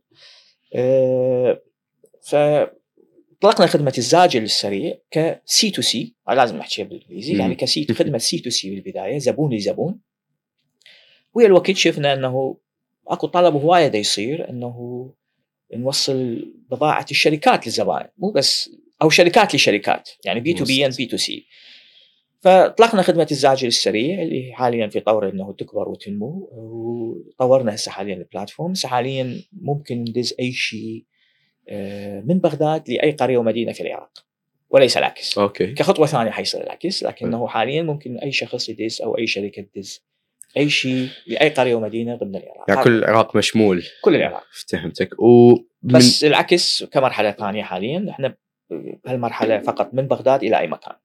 آه، والتوصيل داخل بغداد يكون في نفس اليوم التوصيل للمحافظات يكون next day ثاني يوم ويعني خدمة حلوة ودا تسوي نتائج. وقلت لك ما نريد يعني آه، نشتغلها بشكل صحيح حتى آه، تنمو بشكل صحيح. بالإضافة هاي اللي يسموه ال vertical الثاني المجال الثاني أفقي للتوسع. قبل ما نفوت الهاي ولو آسف بس تفضل. من نباوع على ال C2C للزاجل نعم. نقارنه بال نقول بي تو بي تو سي اللي هي ال businesses اللي تستعمل الزاجل حتى توصل لمنتج زباينها ش- نقدر نقول حتى إذا ما تبي تذكر أرقام بس النسبة من ال businesses اللي تستعمل الزاجل مقارنة حلو بال customers حلو حلو. أه نشوف يعني هاي حتى حكينا بعدها بطريقه التوسع حتى حكينا. ويا شركات ثانية صحيح. أه، نشوف واللي ممكن نتعاون سوا إحنا ويا غير شركات حاليا نشوف أنه ال C2C يعني من زبون إلى زبون لحد الآن استخدامه مو بالطريقة اللي كنا نتمنى أنه تصير يعني هي شنو الأسباب؟ أسباب احتمال آه، زبائن بعدهم ما يعرفون الخدمة بشكل صحيح لكن السبب الرئيسي بالنسبة لنا اللي شفناه هو أنه بما أنه نستعمل إحنا دراجات نارية بما أنه بغداد من الشمال للجنوب حوالي من الشرق للغرب حوالي 20 كيلو طلب الطعام أنت تقدر تحدد للسائق آه، يعني المسافه عن المطعم يعني إحنا نعرض مطاعم آه، ضمن 6 كيلو فالسائق يقدر يسويها بدراجة. لكنه بما. إنه بالزاجل كل شيء يكون غير محدود احتمال أنت بيدكم آه، يعني بنهايه حي الجهاد تريد تدز آه، آه، أي بضاعة لنهاية مدينة الصدر. فيعني هاي حتكون أكثر من 20 كيلو. آه، السواق مدى يحبذون هالشيء لأنه تعرف طريق بغداد و- أكيد. والسيطرات والما أعرف إيش والكذا. فهاي بدها تصير عندنا مزاج. فقمنا نقلل المسافات. قلل المسافات قلت آه، شعبية الخدمة لأنه يعني طبعاً. إذا قريب خب انت تروح تودي. إيه. فيعني آه، أكو إشكالات بدنا نحاول نتجاوزها أكيد. دائما أكو مشاكل. البزنس الناجح هو اللي يتجاوز المشاكل. فهاي واحدة من العقبات لل C2C حلو. بي تو بي بي تو سي لا بالعكس. فشي يعني يعني نسبة النمو بها غير محدودة يعني. إحنا بدنا نوقف النمو حاليا حتى نبنيها بشكل صحيح. أنتوا شعاركم slow and steady خلينا نقول. slow slow and steady ما نرجع خطوة لورا لكنه خطوات صغيرة لقدام افتهمتك وقبل ما نوصل هاي الغير حنخليها بال vision مالتنا slow steady والله. شكرا جميل. أنت- شكرا أنتظر أشوفه. شكرا جميل. أنتظر أشوفه بال PDF مال vision مع السريع شكرا. جميل. أه، من باوع هسه بدنا نحكي ب slow and steady وقبل ما نتوسع لغير أفق غير شغلات أفقية خلينا نقول. نعم. أه، ممكن هذا ما يتوافق ويا السوالف اللي تصير بالسوق هسه. يعني إحنا اليوم بدنا نشوف مختلف الشركات الكبيرة عندها رأس مال ضخم جدا خبرة واسعة من برا العراق. يعني تدخل لهالسوق. whether it's food delivery delivery grocery تنافس بشراسه وهاي المنافسة يعني من نباوع على غير دول آه، من نباوع على ال- ال- المشهد فيطلع منها واحد أو اثنين منتصرين وهم ذول اللي يبقون عايشين و surviving ك food delivery apps يعني. نعم. آه، شلون تخطط على السريع أنه تكون واحد من ذولا؟ هاي اولا وهمينا أنه هل ممكن تكون بالبال يعني فكرة أنه تكتل يصير؟ آه، أنه فكرة دمج أو على السريع تكون جزء من شركة شركة تكون جزء من على السريع حتى بالمحصلة من تنجمع هاي القوة تقدر تنافس بشكل أقوى وتقدر تزداد حظوظها بأنه هي تكون الشركة الطالعه. خليني اجاوبك على هالسؤال يعني أول سؤال خلينا نقول الميزة اللي تشوفها صحيح اليوم. خليني اجاوبك على هالسؤال okay أكو شركات صحيح بدها تيجي international بدها تفوت بشراسة وهم شراسة مو صحيحة مرات أه نحكي بالتفاصيل بهالنقاط لكنه اللي يميز على السريع أول شيء إحنا تطبيق عراقي يعني إحنا بدينا منا وكبرنا وتوسعنا يعني مثل ما يقولون أكو مصطلح بالإنجليزي حلو we are son of the soil. يعني ال ال ال ال ال الدولار اللي على السريع يصرفه حتى يحقق نتيجة معينة هاي الشركة اللي تحكي عليها لازم تصرف 20 دولار حتى تحقق نفس النتيجة. يعني هاي for sure يعني إحنا more efficient تمام؟ فيعني هاي حسنة كلش كبيرة بالنسبة لها السريع. تصرف 100 دولار هنا لازم هم يصرفون آه، ألف أو ألفين أو ثلاثة حتى يحقق نفس النتيجة. خلصنا منها. شيء ثاني من حسن حظ العراق آه، أو من حسن حظ على السريع آه، إنه هاي الشركات اللي تيجي عليها تقول عليها أسماء بالعراق هاي الأسماء مو معروفة مثل بغير مكان. آه، فمن يجي هو مراهن على اسمه آه، ما تشتغل هنا بشكل صحيح. ممكن مو شرط بس اسم بس هو نقدر نقول رأس مال آه نعم شغلة راس مال حكيناها إحنا بالبداية قلنا إحنا طبعاً. موجودين قبل إذا هسه على السريع يريد يدخل السوق أنا أقول لك يعني يعني تقريبا مستحيل بس. بما إنه إحنا بدينا بالوقت الصحيح وصار عندنا وقت كبير نطور ونكبر وكذا وكذا وكذا قلت لك هسه الدولار اللي نصرفه هم لازم يصرفون 100 دولار أو 80 أو 70 دولار حتى يوصلون نفس النتيجة. اسمه مو فد شيء كبير لأنه الاسم بالعراق آه، لحسن حظنا آه، مو مثل غير مكان يعني مو مثل المكان اللي رايح مصر ولا رايح الهاي راح يشوفوها هاي الشركات الكبار راح يحسون بها قريب.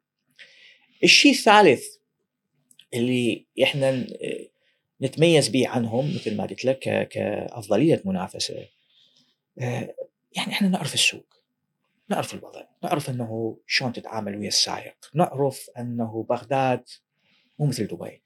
آه، النقطة الثالثة أن أكو شركات نجحت بأربيل، أربيل different story مكان يختلف، أربيل يعني ما أريد يعني أربيل مدينة حلوة وأنا أحبها لكنه أربيل كلها بكد حي الجامعة وحي العدل آه، آه، شوية من الحرية.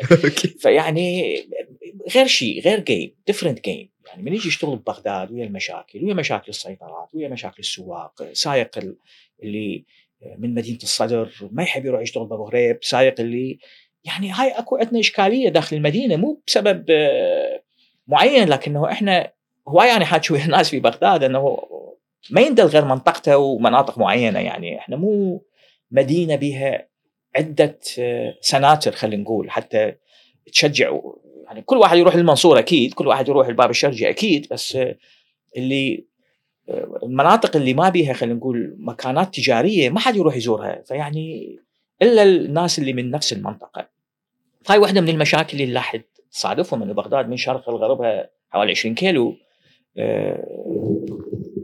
فيعني أكو شغلات تختلف أكيد ضمن المنافسة. نرجع. أنه مثل ما أنت قلت أنه السوق أكو شركة أو شركتين ممكن تاخذه.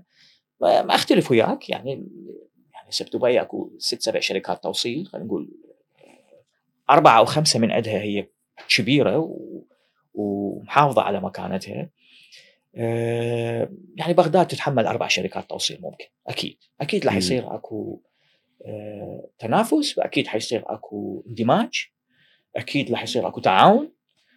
كل المجالات مفتوحة. يعني ما أخفيك أنا يعني بعدين آه، خلينا نقول مناقشات آه، معينة ويا ناس معينين. حتى ممكن أنه بس نستعرض الأفكار هسه خلينا نقول. ما واصلين طبعاً. لمرحلة آه، اتفاقات لكنه كل شيء ممكن. بالبزنس كل شيء ممكن يعني. ما كل شيء طبعا. لازم هل- يكون كل شيء كل شيء لازم يكون واضح. وبالنهاية هي لفائدة فائدة الكل. طبعا هو لفائدة الزبون أكيد بوجود فائده الزبون فائدة. العمل بالعراق حتى بشكل ابو عام الدراجه فائدة السواق فائدة الموظفين فائدة للكل طبعا افتهمك ومن تحكي عن خلينا نقول نوع من التكتل أو الدمج أو الاستحواذ فهل اللي بالبال شركة داخل العراق أو برا العراق وليش؟ شو تشوف ممكن يفيد أكثر؟ والله هسه أنا ما راح أحكي بتفاصيل أكثر لكنه قلت لك كل شيء ممكن. اللي نشوف أنه أي مجال من هالتعاون هالاستحواذ الجزئي الاستحواذ الكلي ممكن يفيد يفيد الشركة. يعني إحنا بالنهاية بدنا نسوي business بدنا نسوي شغل.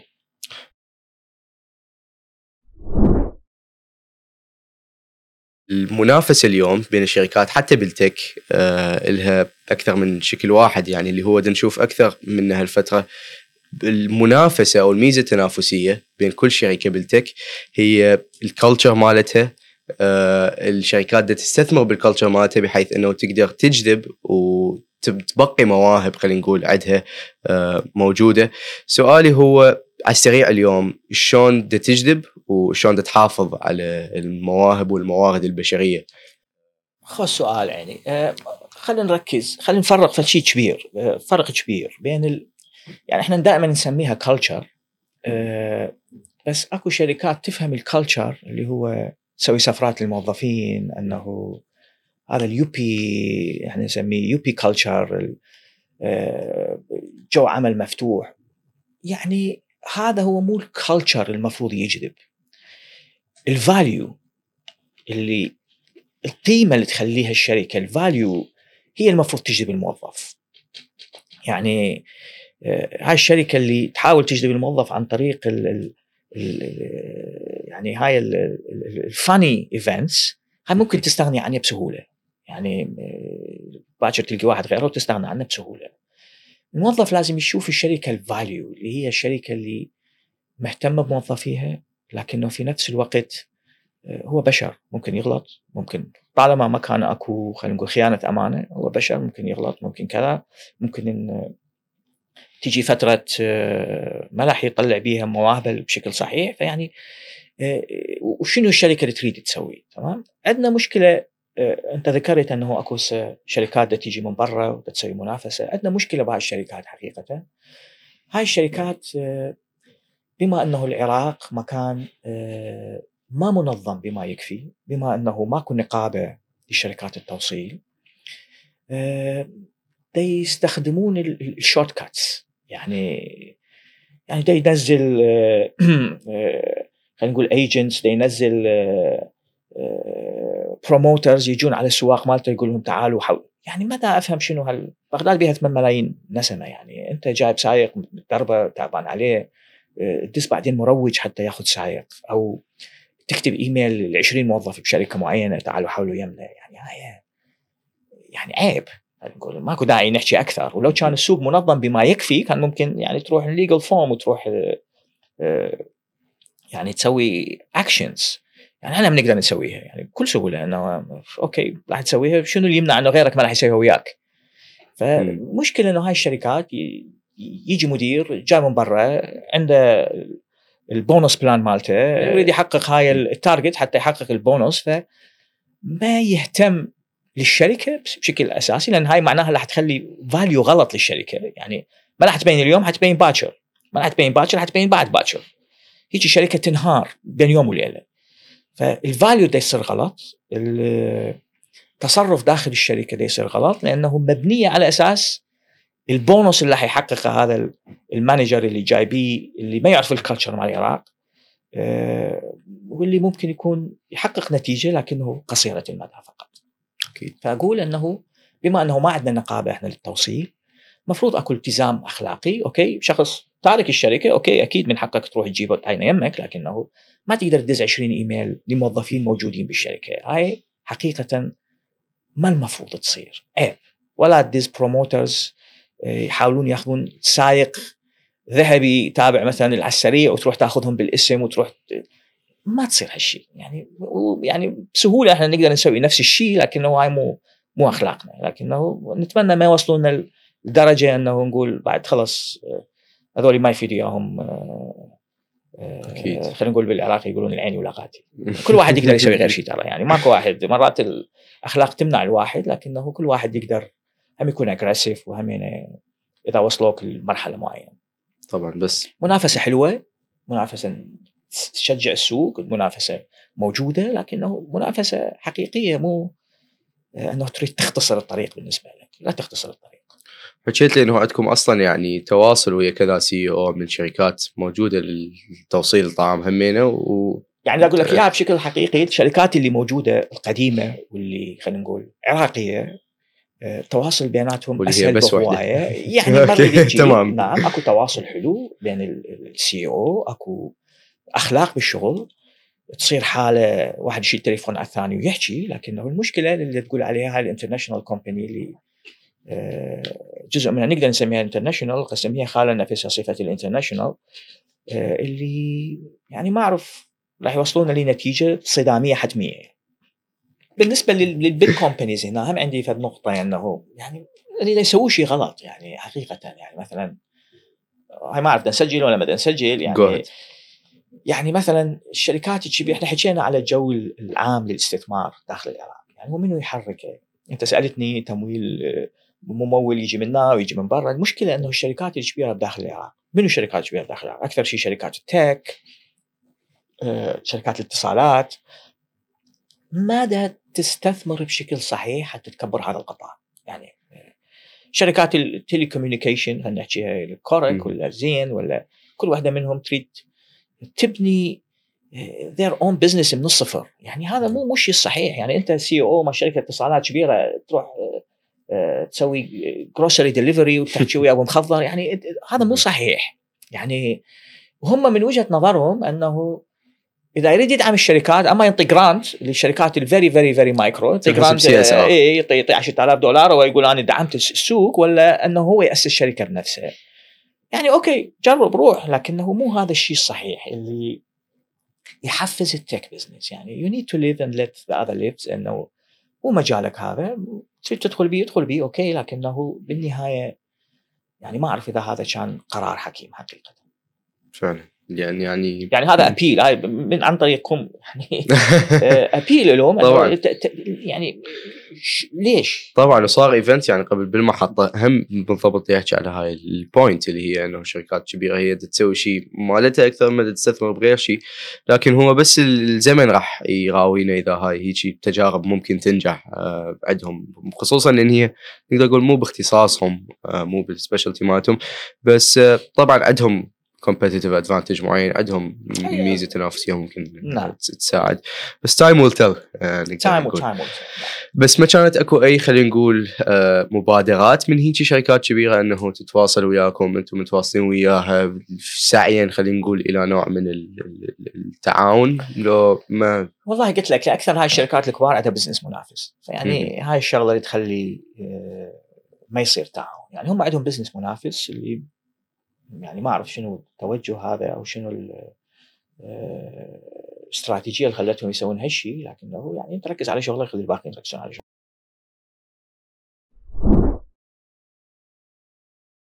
والله هواية مواقف. قلت لك أول موقف هي إنه كورونا سدوا المطاعم يعني ما تعرف شلون ليش من اتخذ هالخطوة. آه، مشكلة كبيرة أكو آه، بالتسجيل الدراجات. يعني يعني شغلة سهلة. المفروض الإدارة ال regulator الحكومة مثلا تجتمع.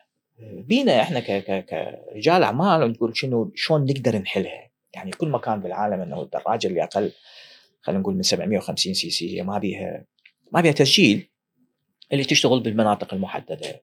الدراجات اللي أكبر من هالحجم يعني تسجيلها ليش ما يصير على ال على ال على الشخص نفسه مو على مو على ال- الشاصي مال الدراجة. هاي الدراجة عمرها عمرها بالشارع هي ثمان أشهر ويعني سقطها خلاص. يعني ما ممكن أنت كل ثمان أشهر تقضي لك ثلاث أشهر معاملة ترقيم وبعدين هي ورا ثمان أشهر راح آه، ذبها بالزبالة مثل ما يقولون. إحنا الدراجة ما تبقى عندنا أكثر من ثمان أشهر بسبب ال- ال- الجو العمل والحر وال وال وال وال السيطرات. سيطرات آه، كل سيطرة عندها قوانين هالشكل. كلها قوانين قوانين تختلف. سيطرة تريد كتاب من القيادة الفلانية سيطرة تريد قياده الفلانية سيطرة تقول أنا هذا الكتاب ما أعترف به السيطره الفلانيه نقول هذا الكتاب أعترف به. زين شو نسوي؟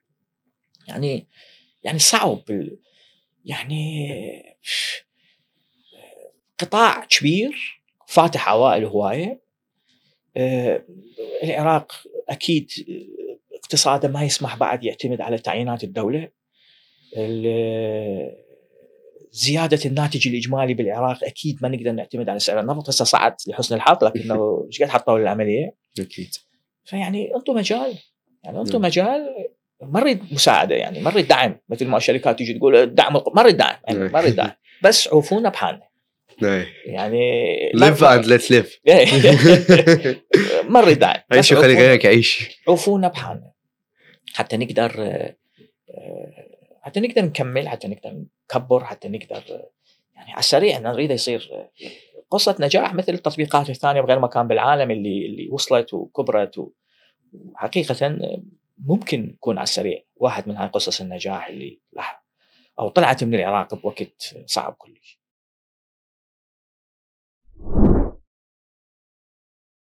طبعا نقطة نسينا نضيفها إنه إحنا أكثر موظفين اللي بدوا ويانا من دي 1 أو كلهم مو أكثرهم أو مو بس دي 1 أكثر الموظفين الأساسيين عندهم شيرز بالشركة يعني عندهم آه، آه، نسبة.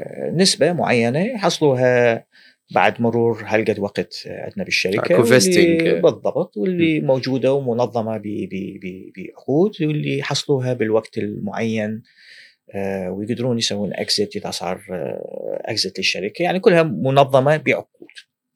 بالنسبة لمرحله لمستوى الموظفين لمستوى السواق لا بعدها العملية أكثر آه، غير منظمة بشكل كبير أكيد آه، يعني انتقال السائق من شركة لشركة بيصير أسهل بكثير من انتقال الموظف من شركة لشركة. فموظفينا من بداية على السريع من 2018 لغاية الآن آه، ماكو موظف من medium level وفوق ترك الشركة أقدر أسأل ليش؟ وشلون؟ والله تحاول تسألهم إلهم اول شيء قلت لك جزء منها أكيد اللي هو ال ال share options اللي إحنا خالين موظفينه جزء منها، الجزء الثاني ممكن يكون ثقافة الشركة، الجزء الثالث ممكن يكون لأنه أغلبهم كانوا موظفين بدأوا حياتهم العملية داخل الشركة. يعني كأول شغل بالنسبة لهم أول وظيفة. احتمال لأنه بسبب شغلي يعني قبل يعني بمجالات خلينا نقول أكثر كلاسيكية من من من من من ال tech business اللي الشركة تقيم على أساس أنه موظفيها الأساسيين ما يتركوها. ممكن ممكن. ممكن أكون دقة قديمة مثل ما يقولون. أركز على شيء. أكيد. أكو شركات ما يهمها لأنه يعني أكيد أكو talent هواية. الشخص اللي يروح أكو غيره شخص راح يسد أتصور أكو هيك طابع يعني عندكم أكيد إنه هو هذا ال core team single خلينا نقول family and this single family بالضبط. إحنا تطبيق على السريع يعني hierarchy بي قليل. single family كل واحد يؤدي دوره بالشكل الصحيح micromanagement ماكو. لكن بنفس الوقت هو اللي هو slow and steady مثل ما أنت مثل ما أنت قلت. فهمتك. وشلون كان يعني نقدر نقول الحوار ويا المستثمرين على التاكتيك مال slow and steady يعني هم كانوا متقبلين هيك شغلة؟ كلش خوش سؤال وكانوا كلش كلش خوش سؤال إيه. آه عندنا جزء من المستثمرين يقيموه لهذا الشيء بشكل كبير وهذا أساس كان استثمارهم بعد سريع آه بس عندنا أيضا مستثمرين آه ما عندهم صبر ويريد الشغلة تكبر بشكل أسرع بكثير. يعني كسي أو أو عندي هم هذا النوع من الضغط. أتصور يعني في مكان مثل مثل العراق في الظروف الحالية بالتقلبات الموجودة على الساحة السياسية على الساحة الاقتصادية انهم ال slow and steady هو الاستراتيجية الصحيحة اللي لازم تمشي. آه، ممكن ما راح نكون أكبر player آه، بال market أكبر لاعب بالماركت لكنه أكيد راح نكون واحد من ال big 3 أو ال big 4 هل تسمحون ان تكونوا أكبر player؟ ما يمكن... ماكو ماكو ماكو داعي ماكو داعي. مو هذا ال target مالتنا. ما ماكو داعي نكون أكبر player نكون قلت لك player آه، أساسي. أساسي مو ثانوي أساسي يعني واحد من ال من ال من ال big 3 اللي بال market و آه، يحافظ على المكانة مالته لأنه آه، وصلها بشكل بطيء ونمو تطريدي مو بشكل بين يوم وليلة. يعني مثلا أحكي لك على سبيل المثال يعني قلت لك إحنا نريد نوع معين من زباين بس الشيء اللي نشوفه يا أخي يعني هذول الشركات الجديدة اللي انترناشونال من يجي يسوي عروض خيالية 80% و70% طلباتنا تستهدف ذيك الأيام يعني حقيقة يعني شلون؟ آه يسوون آه، فضل شلون؟ لأنه هو مركز أنه يجيب زبون بسرعة لكن يقدم له خدمة سيئة فهذا الزبون اللي راح عليه وسوى منه خصم 80% آه، بس اجى الأكل ورا ساعتين هاي راح تكون تجربة واحدة بالنسبة لهاي الشركة وراح يجي يريد تجربة مستمرة لتطبيق مثل تطبيق هسه. قلت لك إحنا عندنا حاليا فاتحين 600 بيت في بغداد يعني هاي مسؤولية يعني إذا تتخذ خطوات سريعة بس حتى تجرب وحتى تكبر بشكل مبالغ به أنت تخلي حياة دول 600 شخص وأرزاقهم يعني ما بالريح خلينا نقول. يعني يجي مدير جاي من برا وعنده بونص إذا حقق هذا الهدف أوكي كل شيء مستعد يسويه. لكنه أشوف أنه هذا شخص غير مسؤول حقيقة. يعني ما يهمه تنسد الشركة اليوم ينسد الفرع باكر يحول غير المدينة لكنه إحنا عايشين هنا. إحنا هذا مكاننا يعني ما أقدر أشوف بوجه موظف بوجه سائق باكر عقبة إذا اتخذت قرار أدى أنه الشركة آه، تخسر فلوسها أو تنسد و, و وهذا الشخص اللي ضيع ثلاث أربع سنين ويا الشركة راح يكون بدون شغل. بس حتى ندفع بعدها بهاي النظرية. يعني نعم. تباع مثلا على أوبر أوبر إيتس دور داش يعني. أغلبية خلينا نقول المنافسين بأمريكا وأوروبا. نعم. ما تصير هيك مواقف؟ يعني هو هيك مواقف هي مو ضرورية هيج قرارات حتى الشركة تستمر حتى الشركة تنمو.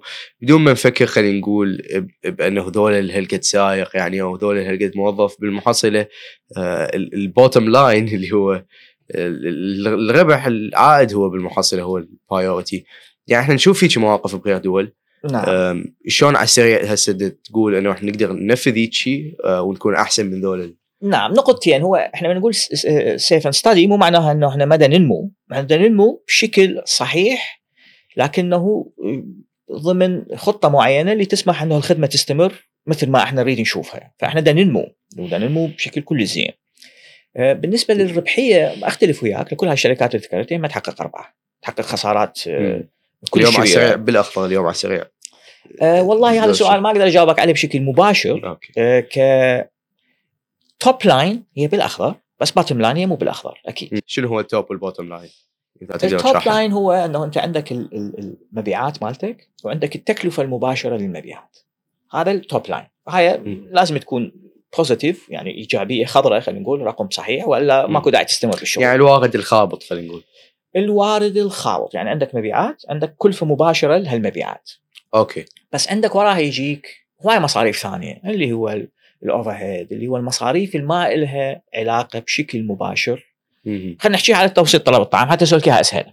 يعني أنت عندك بتطبيق طلب الطعام عندك كلفه ال order يعني أنت شقد إجاك آه، هامش ربحي من ال order اللي هو من من من سعر التوصيل أو من النسبة مال المطعم. زين وعندك الكلفه المباشره اللي لها علاقة بهذا ال order اللي هي شنو؟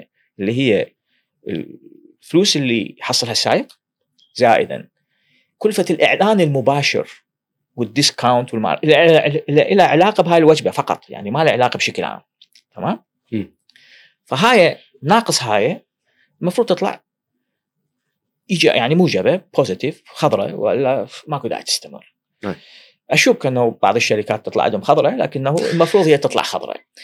آه يجيك بعدين آه الكلف اللي ما لها علاقة بشكل مباشر بهذا الطلب اللي هو آه، موظفين معينين ال assets الاستثمارات ال- ال CAPEX اللي هاي كلها إذا تحسبها احتمال ما يطلع عندك ال bottom line هذا الخط النهائي. موجب لكنه هذا شيء صحي لأنه أنت بما أنه عندك ال- ال top line أخضر فكل ما زادت ال orderات كل ما حيبقى عندك هامش إضافي راح يغطي هاي أكيد. تمام؟ لكن إذا أنت عندك ال top هو مو أخضر أنت هاي يعني شوي شغلتك آه، إيه. يعني تقشمر على المستثمرين تقشمر على. نفسك تقشمر على الكل يعني تصرف فلوس وتتمنى آه، آه، أنه تت- تتعدل الأمور في يوم من الأيام. احتمال تتعدل احتمال لا. فال bottom line نقدر نقول عليه هو الصافي بالمحصله اللي يفوت لل business بالضبط. آه، فهو بحالتكم هسه أوكي. بحالتنا وبحالة 99% من التطبيقات اللي موجودة بالسالب بالعالم. بالسالب. إلا إذا توصل لمرحلة معينة. أكيد. يعني مرحلة معينة من النمو. وهل تشوف أنه من الواقع إنه على السريع راح توصل ال bottom line صافي موجب؟ هذا قرار. آه سؤال حلو هو. وهل تشوف أنه راح تبقى بهالاربعه ال top four الأساسيين بالسوق من تقرر هيك شيء؟ حلو هو هذا السؤال هو هذا السؤال الصحيح انه أنا تحول على السريع من شركة top line مربحة إلى شركة bottom line مربحة هو قرار. أنه تتخذ قرار أن نقول أنه نقلل ال growth نركز نسوي tweaks هي نغير هنا نغير هنا نغير هنا نزيد ال productivity ممكن تتحول شركة ناجحة آه، العفو شركه مربحه, مربحة. مربحة. ك bottom line يعني ك... ك بعد دفع ال overhead والمصاريف الثانية لكنه أكيد راح يأثر على النمو خصوصا هسه عندنا منافسة من غير شركات فهسه حاليا مو ضمن الخيارات حاليا الخيار هو النمو محافظة على سوقنا محافظة على زبايننا إن نسوي حياة التطبيقات الثانية أصعب ولا حنسويها صعب اي ماكو مشكلة. عشتيتكم. زين. بس آه، القصد أنه تشوف أنه منا إلى أن تتبخر بقية التطبيقات. ممكن يصير دمج فشي آه، لحد ذيك اللحظة راح يبقى ال bottom line مالتكم بالسالب. ذاك الوقت من تصفى السوق هذا نعم. حيكون- ولهذا السبب إحنا نسوي جولات تمويل يعني إحنا ليش نسوي جولة تمويلية؟ وننطي جزء من أسهم الشركة إذا إحنا ما نريد نستخدم هاي الفلوس لمجال النمو. أكيد. يعني إذا كانت شركة ما تريد آه، تنمو ماكو داعي تسوي جولات تمويلية. مثل أي شركة ثانية مثل أي شركة غير مجال التك إنه هي شركة لازم تكون مربحة بس راح تبقى بهالحجم. لو تتخيل يوم تصفى بيه المنافسه لو تشوف انه ما راح يجي يوم وتوقف بيه من سنتين يستقر السوق. والله أنا أشوف شيء كلش صحيح إنه هاي الشركات الكبيرة دا تجي ودا تصرف فلوس. أه حتى خلينا نقول يتغير أه تصرف الزبون. يعني هسه 90% حقيقة هو 90% من الطلبات حاليا مع تطبيق الطعام هي تصير عن طريق اتصال بالمطاعم بشكل مباشر. مو عن طريق صح. أي وحدة من هالتطبيقات. فهاي كله بده يكبر من هاي الكعكة. بالضبط. فهاي الشركات من تيجي تكبر من هالكعكه وبالنهاية إحنا أي وحدة من هالشركات اللي بدها تروح بشكل كلش aggressive مثل ما أنت تقول أكيد ما راح تقدر تحافظ على الخدمة وعلى ننتظر أي واحد يضوج من خدمتهم يجي علينا بشكل تحصلون تكبير الكعكة ببلاش. نحصل تكبير الكعكة. we are riding their waves مثل ما يقولون. م. نركب موجتهم. فهمتك. verticals حكينا أنه على السريع تطبيق لطلب الطعام. آه عندنا ال vertical الثاني اللي هو الزاجل السريع مثل ما ذكرنا اللي هو C to C B to C B to B deliveries last mile عندنا خدمة إضافية أو خدمة لخ حقيقة كلش نفخر بها اللي بديناها من بداية هاي السنة اللي هو آه توصيل الأساسيات. إحنا بعد السريع كنا متعاقدين ويا عدة سوبر ماركتات كنا نوصل حاجات المسواق للبيوت. لكنه ويا الوقت شفنا أنه هاي السوبر ماركتات عندها آه، خلينا نقول فد 20000 SKUs يعني 20000 آه، حاجة. item item و90% من ال orderات واحدة من عندها تكون ما موجودة. فال order ده يلغي لأنه هاي السوبر ماركت مثلا عندها 50 نوع شامبو عندها 100 نوع أجبان وحليب عندها. فدائما أكو واحدة مفقودة وما يلحقوني يضيفوها بالوقت الصحيح.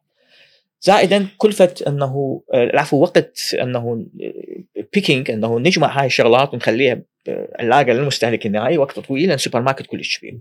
فقررنا نروح بالترند العالمي الموجود اللي هو أساسيات على السريع اللي أتمنى اللي ما مجربه يجربها راح يصير عنده خبرة كلش حلوة به اللي هو آه، أكو عندنا حوالي 1500 item 1400 item موجودة في dark stores، dark stores هو سوبر ماركت صغير لكنه ما يدخل به الزبون يعني منتشرة هسه في بغداد. عندنا حاليا هاي يعني معلومة هم سريه راح تأخذها أنت. إحنا حاليا أربع dark stores ونريد نسويها إلى 12 dark stores قبل نهاية هاي السنة.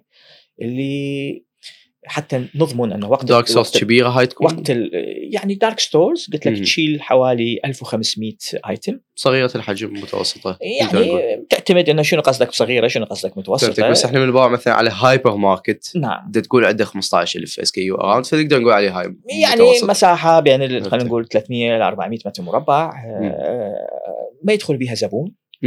ماكو داعي تصرف عليها على الديكورات وعلى ما أعرف شنو على كذا لكنه أكيد, أكيد. تصرف على البضاعة وتخليها بشكل مناسب وأكو ناس يديروها.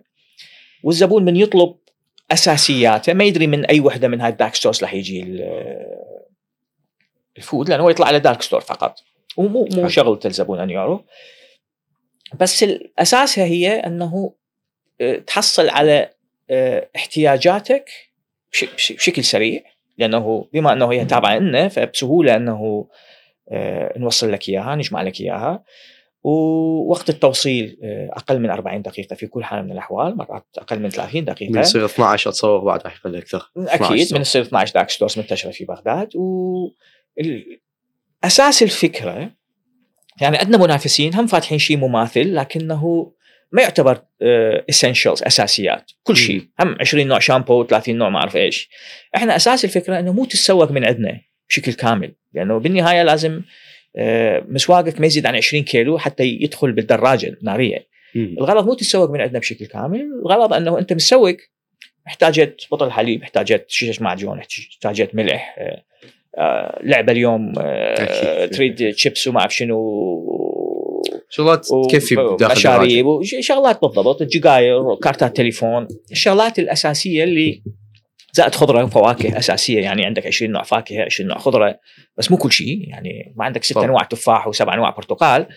آه، نوع من كل شيء اللي تخليك تطلب الحاجات الأساسية اللي تحتاجها. وحقيقة شيء كلش حلو كلش ناجح. خبرة اللي اللي الفيدباك اللي اجانا من من زبائننا كلش حلو إنه كلهم حابين الخدمة وكلهم آه، يتمنوها تنفتح في كل مكان في بغداد. حاليا مو في كل مكان قريبا راح تكون في كل مكان في بغداد.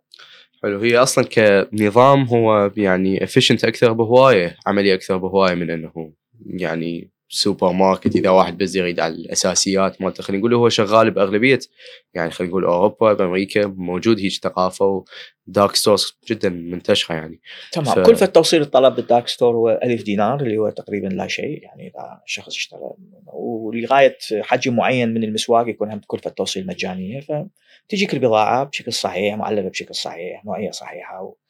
ويعني خلال نص ساعة من طلبها عدا ذلك شنو بعد؟ أكو والله أكو أكيد أكو واحد اثنين مشروع أو مشروعين سرية ما نقدر نحكي عليها هسه لكن دائما عندنا شيء عندنا شيء بال pipeline بالتفاصيل يعني مبهمة. زين. من شغلات حاطين عينكم من تنطلق من تنطلق راح تشوفها okay. أكو شغلات حاطين عينكم عليها عدادني يعني شغلات تشوفون تتفكرون ممكن بالدخول لها تشوفون ممكن تكون ناجحة. والله هواي شغلات بس أهم شيء أهم criteria أنا دائما أحكي ويا أحمد صبحي هم يعني مدير العمليات إنه الحرامات ما قدرنا اليوم اي أهم شيء أهم شيء إنه يكون ما بها operation لأنه operation صعب في مدينة مثل بغداد. يعني أي نوع من business من نوع tech business بس بدون operation أتصور هو هذا ال... يعني هو هذا الشيء اللي ممكن إنه نشتغل به بس الشغل يعني كل مجال. يعني مثلا أحكي لك على سبيل المثال يعني يعني ال head hunting platforms كلش okay. كلش بعد مراحل بدائية في مدينة مثل بغداد. آه، ما بها operation كبير ما بها investment كبير. آه، يعني أي شخص يشوف يريد يفتح business يعني أشجع بهيج مجالات حقيقة. حلو. بعد بشنو؟ أكو هواية مؤسسين راح يجون يستمعون لهيك أفكار يعني ف إذا شي تشوف بي opportunity ممكن هسه مو على راح تشتغل عليه. بس نعم. حاط أنت شخصيا عينك عليه نعم شغلات لها علاقة بتقديم خدمة تقديم آه، يعني supply chain ما عندنا إحنا في مدينة مثل في بغداد أو بالعراق ماكو يعني إذا تريد تجيب لك شغلة لازم تحير بها من الالف للياء تريد تجيب جنط للدليفري لازم تحير من اجازه الاستيراد لاستيرادها إدخالها وتوصلها يعني. إنه آه، ماكو داعي هو يبدي يعني ممكن إنه يصير كمجهز كأونلاين مجهز ماكو مشكلة آه، مجهز للشركات الموجودة. يعني حتى آه، ما عنده كاش بان راح يبدي من اليوم الأول عنده عقود إنه شاب متحمس يريد مثلا يركز على سوق معين. فيعني تقديم خدمات لل big player الموجودين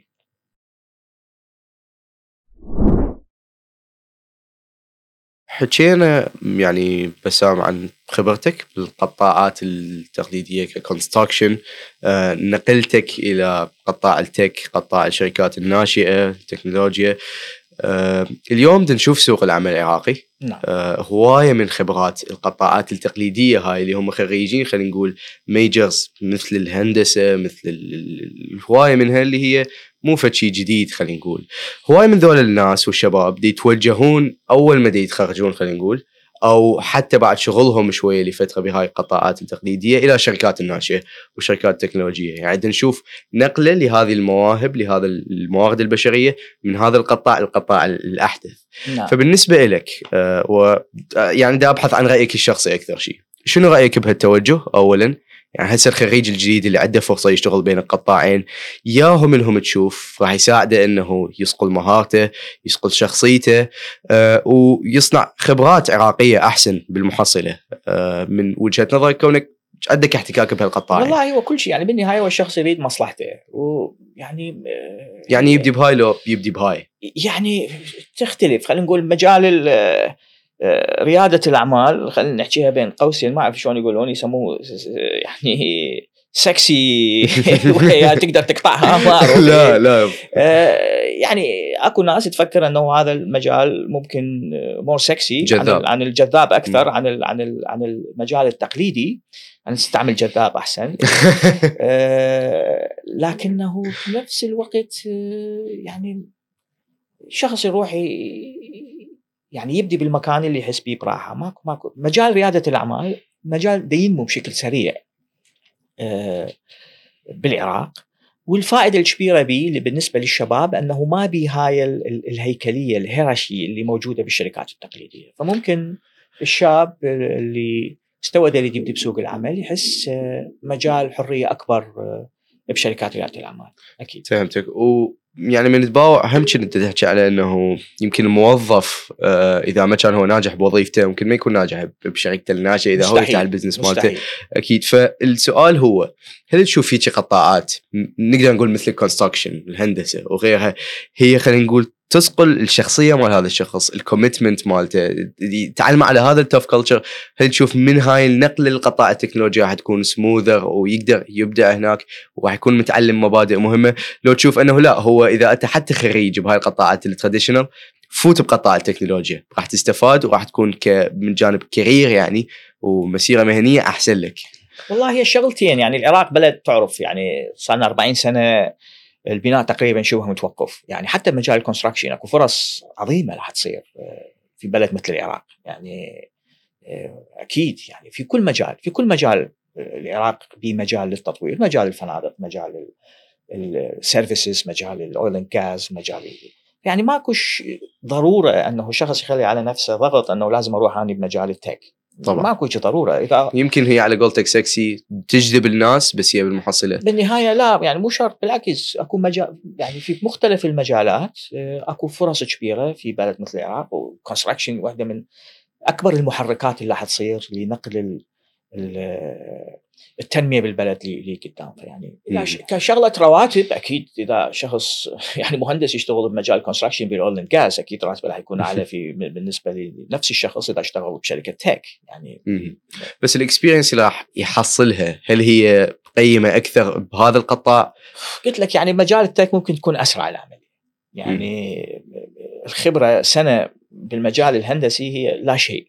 بس الخبرة سنة في مجال التك في المجال اللي انت تريده فشي كبير آه، يعني إحنا من كنا نعين مهندسين مهندس عنده خبرة خمس سنين نعتبرها لا شيء يعني نعتبره كأنه مهندس جونيور. بس في مجال التك إذا شخص عنده. خبرة خمس سنين أكيد آه، تقيم بشكل يختلف ف يعني هذا الفرق اللي أقدر أقوله